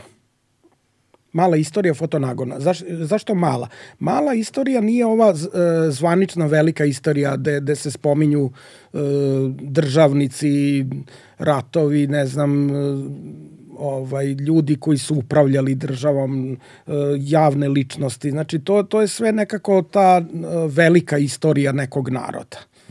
Znači, a ovo su sve anonimusi, mahom anonimusi, kažem ima i poznati, ali mahom anonimusi i taj njihov poriv da budu fotografisani ili da fotografišu. Znači, bez obzira s koje strane fotoaparata. Znači, ta ma, mala istorija fotonagona. Znači, taj nagon kao, e, ajde snimi me ili kao, čekaj, čekaj, daj da te snimim. Mislim, I onda, I onda vidimo ovaj, u, u, da je fotografija m, svedok svemu. Znači, najintimnije stvari i, i glupiranja i važni trenuci nečeg života, znači, šta znam, rođendani, sahrane, ovaj, d, nove godine, priznanja, dodele, mislim, tih Jel na- sakupiš nagrada. fotografije sa sahrana? Da. Koliko? Sve, sve. Sve. Mo, šta god. A o- Mislim, jako su turobne neke teme. Recimo, dečje sahrane su uh, posebno turobne. Ali je to to. Mislim, to, to je opet svedok parčeta i smrt je deo života. Mislim, znači, to kad školski drugari se opraštaju od nekoga. Pa to na sanduku ili se vidi, mislim, to ili na sanduku školska kapa ili tako, cveće sa onim lentama gde piše razred i pu, to je onako baš, ili baš još manja deca, mislim to, ovaj, predškolski uzrast, Da. To je teško potresno. Jel te pogađaju te stvari bez obzira na vremensku ma da, distancu? Ma da, ma ne, kako ne. Mislim, eto, m, ja nemam problem s time da, da kažem, meni je i čerka umrla, mislim, ovaj, kao mala. Nije doživela ni prvi rođendan. Tako da, ovaj, e, kako bi rekao, iz ličnog ugla ovaj, mogu to malo e, dublje da, da doživim ovaj, nečiju nesreću, tako da eto. Ali bez obzira, kažem, e, fotografije e, svedok svemu što ljudi rade. Znači, bez obzira da li je tajno ili sakriveno, to je negde ovaj Da. negde je zabeleženo. Sad, da li ćemo ga mi naći, nećemo ga naći, ne znam. Ali eto, te četiri knjižice koje smo izdali Muze detinstva u saradnji sa e, Kulturnim centrom Beograda, to se zove Predviđanje prošlosti. I sad neko kaže, a pa da, kao to je kao Denikenovo ovaj, sećanje na budućnost. Pa nije. Mislim, znači nije igra reči koja je nemoguća, nego je ovaj predviđanje prošlosti upravo ovo što smo pričali. Ako ja nađem jednu fotografiju, ne, nemam ništa sem tog jednog kurioziteta. Ne, ne, ne znam šta je ispred, iza, levo, desno. Kad nađem dve, već se uspostavlja neka veza da bi moglo biti i tri. Znači, tri, ja znam da onda toga postoji više. I onda ja predviđam da je u prošlosti bilo to. Da, da, da, da, da, da. I sad znam da, da kad ono, izdvojim tri fotografije koje su jako slične u, u nekoj atmosferi, u nekim pozama, u ne, nekim fizionomijama, ne znam šta, ja znam da ima još puno toga, samo ne znam da li ću ja doći do, u posed toga. Zanimljiva stvar je, a ovo će da znači ljudima koji slušaju, ti imaš jedan Instagram profil na kojem kačiš sve te arhivske fotografije. Ne sve, ali Da, praviš da, selekciju da, i da. kačiš, red, kačiš svašta si nešto kačio. Sad da, Da. si napravio malu pauzu što spremaš projekat, ali Da. ne, o tome ćemo- Svaki dan dve godine sam ovaj, objavljivo po jedan red. Na Instagramu je tako pravilo da u stvari jedan red ima tri mesta da. i onda je meni to bilo, eto kao ajde te tipološke celine da, da izvadim komad eh, triptih jedan i onda eto tako se čita profil. Dakle, red po red je jedna tema. Da. E, reci mi sada, I- kako ti se zove profil? Uh, talent.arhiv. talent.arhiv na Instagramu možete da vidite ovo o čemu govorimo, o čemu trenutno govorimo. Da, da se malo ilustruje. Ovaj, Delić, delić da, ovog da, razgovora, da. da, da. Odnosno delić te arhive koje Da, su da. prikazane u ovom razgovoru može da se vidi zapravo na tom Instagram nalogu. Um, a, takođe jedna stvar, kad već govorimo o tebi ovaj, privatno, a, a, a rekao si da nemaš problem sa, da, da, da, da to podeliš, ovaj, da ne bude da sad ja čeprkam nešto kao Da. senzacionalistički, ali mi je bilo fascinantno kad sam došao kod tebe prvi put, i video sam krevet kakav nisam video nigde do, sada, do tada. A, imao si nešto što je bilo na, na podu, A, sad, sad, znaš ono kad imaš sećanja, neka više ne znam šta su stvarno Dobro, sećanja, šta su konstruisana, ali, je, ali spavao si na podu i bilo je kao, sad ću da lupim, kao Isusova postelja ili znaš kao ono iz one, kako se zove? Preteraga. Ne, ne, ne, tri, tri, tri mudraca, ono kao da li je neka slama ili nešto, nešto, nešto je tako bilo i bio je ovako, na, na, na zidu iznad je bio, bio sken a, glave A, da, Sken- dobro, da, dobro, sken- jeste, sken- magnetna rezonanca. Magnetna rezonanca, Magnet- da, tako, da, magnetna, snimak magnetne rezonance sa, sa crvenom diodom ovako Da, u glavi koja je blinkala. Da, da, da. Da, to- Zove se lični problem. lični problem i to je autentično, mislim, to je moja glava Da. i moj problem. Ovaj, uh, izgleda sam ja uh, kao embrion, uh, odnosno kao to valjda šta li, Mm. imao blizanca i asimilovao sam ga ovaj, u sebe. Tako da je on u stvari mnogo godina kasnije počeo da pravi problem i bio sam u Austriji, sam trebao da imam uh, u Beču izložbu i ovaj, kad se već približio datum da, da šalje materijal i tako, ovaj, ja sam rekao da sam ležao na neurologiji i da ovaj, nisam baš dobro, ne mogu da, da, da taj termin ovaj, realizujem kao izložbu, jeli? I oni su rekli, pa dobro, ajde, mi smo spremili neki budžet za tebe, ali kao možemo mi da ti platimo ovaj, lečenje. I ja sam ovaj, otišao u Beč, u tu neku bolnicu da je navodno i, i ovaj Freud bio, mislim ima neka tabla ovaj s posvetom, ne znam šta je bilo, nisam razumeo na nemačkom. Uglavnom da skratim priču, uh, ovaj Ivo Podreka, onaj čuveni arhitekta, on ima rođenog brata koji je na neurologiji, ovaj bio načelnik neurologije. I prvu stvar što me prvo je otpustio ajde ovoga prevodioca. Mhm. Uh, nemačko-srpski otpustio je zato što je on čovjek slovenac, zna srpski dobro i ovaj uh, uzeo je MR snimak i rekao je li vama neko u porodici uh, blizanac? Ja kažem jeste majka, majka i tetka. Kaže jedno jajčanje, ja kažem da. Kaže pa to je, kaže meni se čini da ste vi kao ovaj embrion usisali ovaj brata blizanca i da je on ostao nerazvijen, ali je počeo da pravi problem. Aha, g- Tako da ja imam na, na magnetnoj rezonanci otkriveno zapravo da ja imam tu cistu kongenitalnu, znači ja sam rođen sa time. Mhm. I ovaj, to mi je pravilo probleme što sam padao u nesvesti i ovaj, tako gubio ravnotežu. u glavi Da. se nalazi da, taj, da, da. taj, taj, da, da, kod taj- hipofize. taj brat blizanac. Ali to je zanimljivo što zapravo tebi je onda mozak formiran oko njega. Da, on je... e, Ne može, ne može da se izvadi, to hoću da E, kažem. Može da se izvadi, ali oni ne znaju št, kako bi se to ponašalo. Da li bi ovaj sada likvor i ostalo ovaj krenulo da se Mhm. izliva, jer mislim jedno je jedno je kada nešto zajedno raste, onda se i deformiše oko toga, oko čega raste. Da, da, da. Tako da bi ovo ostalo u ovom slučaju deformisano, ali kad bi to popustio taj pritisak, Mhm. oni ne znaju da li bi kapilari to sve ovo izdržalo. To i onda je uh, nešto što bi trebalo da bude mm, rutinska operacija proglašeno da je jako rizična. Aha. I onda mi je ovaj, on rekao ako mogu da vežbam, ovaj, ja sam ponovo učio da voz- vozim bicikl. Da, I to, ja sam, sam te I to sam ko manijak radio, znači non stop sam bio na biciklu, upravo da bi savladao ovaj, taj e, debalans ovaj, u, u, u glavi. I, I kad sam ovima na neurologiji na pregledu rekao da ja vozim bicikl, oni su rekli nemoguće. Ne. Ovaj, nisu verovali da ja sa tim problemom mogu da... I to nas ovako le, leko lepo nas e, dolazi do zaokruživanja priče ovog našeg razgovora, jer e, nas vodi do našeg susreta. ovaj, kojim, bih kojim su mogli da završim ovaj razgovor nekako simbolično, jer sam ja tebe tako upoznao. Upoznao sam te u gradu, vozio si bicikl, ti si i vazda vozio bicikl. Znači ja tebe, kad imam, kad imam sliku pere u glavi, imam Da. sliku tebe na bicikli, sa kačketom, Da. sa kačketom, rancem, sa buvljaka i na bicikli. To je ono, to je slika koju ja i koju imam. Pa koju ja, em sam trenirao Da. 50 km svaki dan, em sam svuda išao. U, u, ovaj. Da. Pa odem u Narodni muzej pa parkiram tamo, onda ovaj Jefta Jeftović, direktor. Kaže, pa dobro bre, talent, pa kao ne možeš da mi ovde... Parkiraš bicikl. sku bicikl, neću napolju ga ostavljam. je.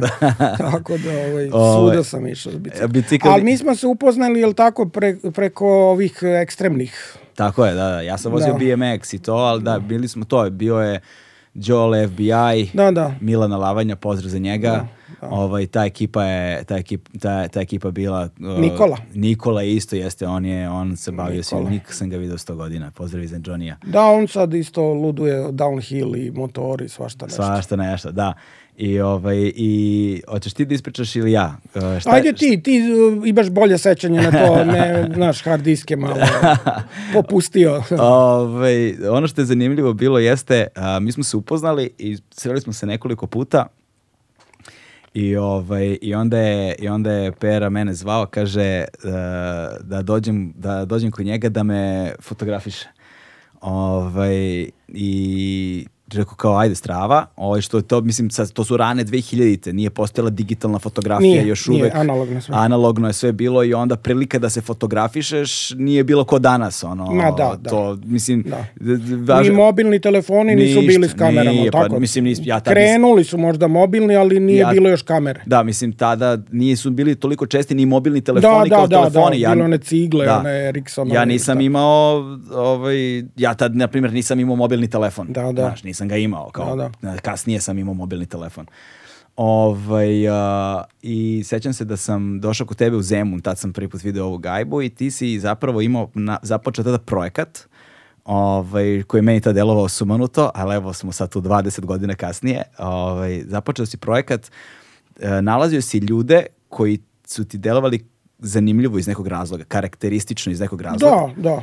Ovaj, I bio si u fazonu, pokušao se predvidiš ko će jednog dana da bude poznat.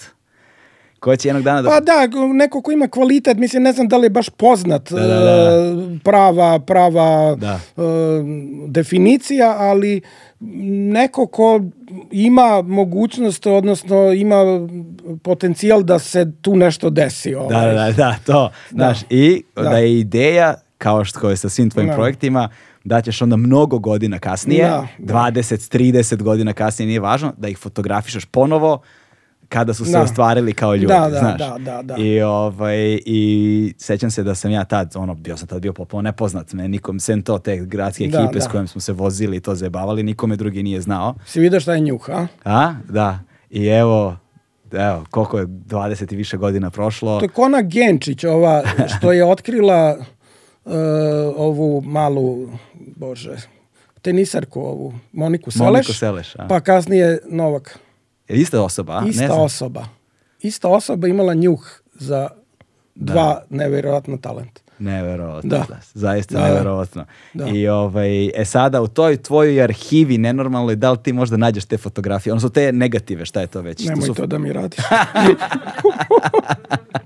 I sve te ljude koje si fotografisao. To bi bilo fascinantno da se nađe. Pa dobro, vidi. Arheo... Ja bih volao da vidim- Arheolozi moraju nešto da rade posle mene. Mislim, znači, neka kopaju, nek se znoje tamo, nek traže. Ovaj.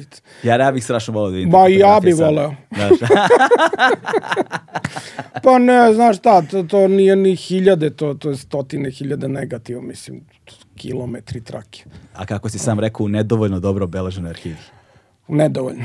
Ne, koliko god da se trudiš ne vredi. Mislim, to, to zato što idem paralelno razne stvari, onda ovaj, sporo to sve ide, a, a zapravo je ono tri ljudska života, mislim. Ne. Neophodno da se Ne. prođe kroz to. Ne.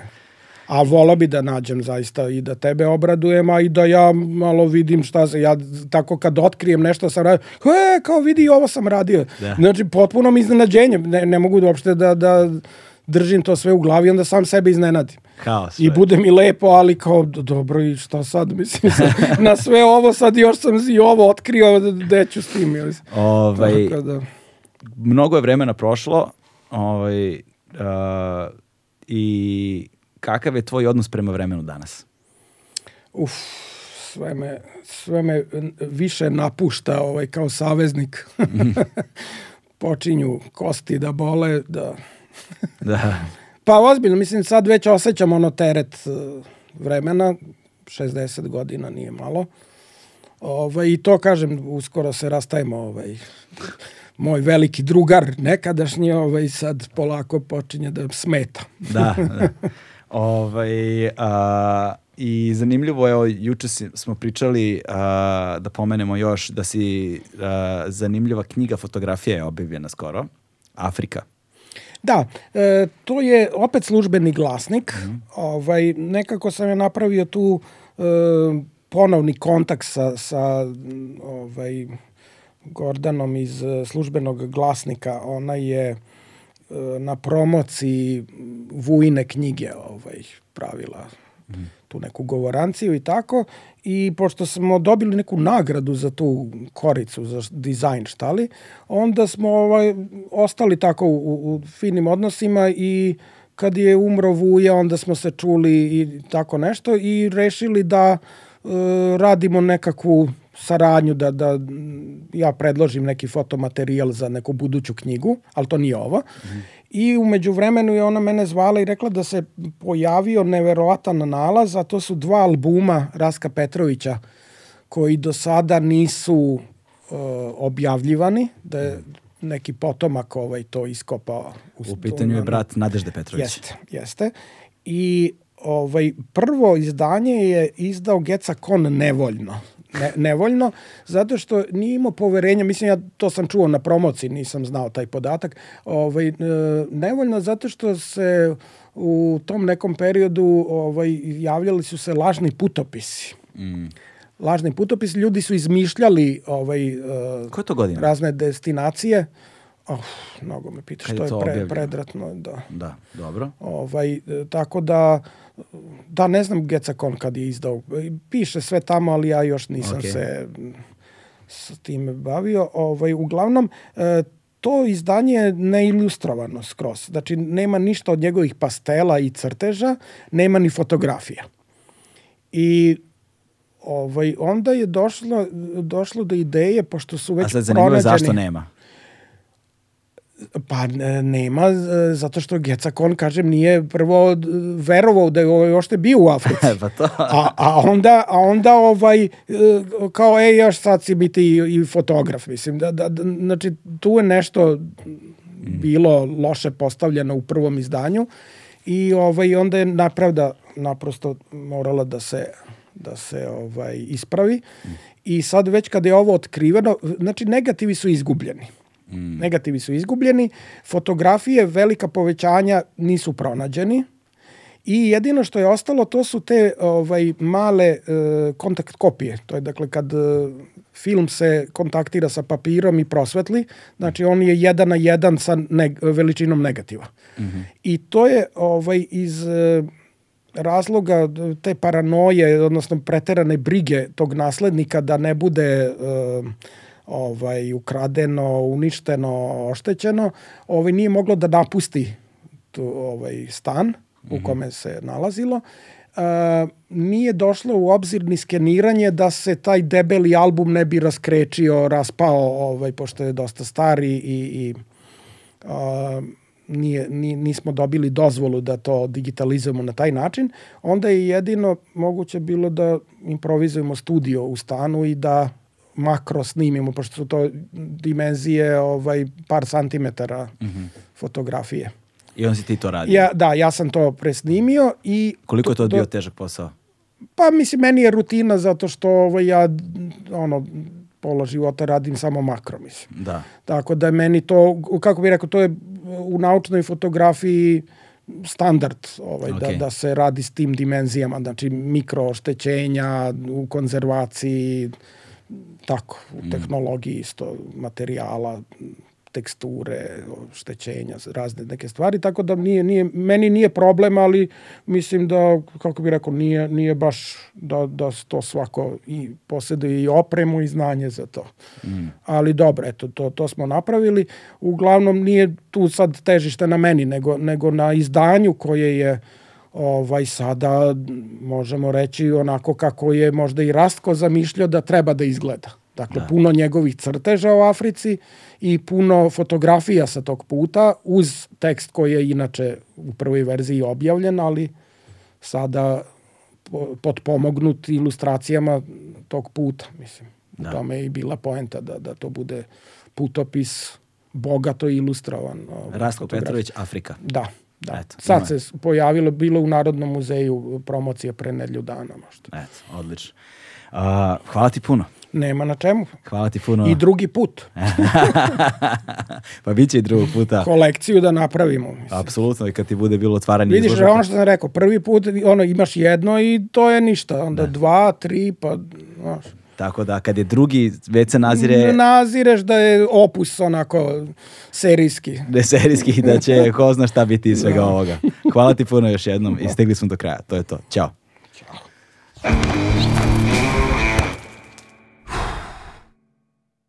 Hmm.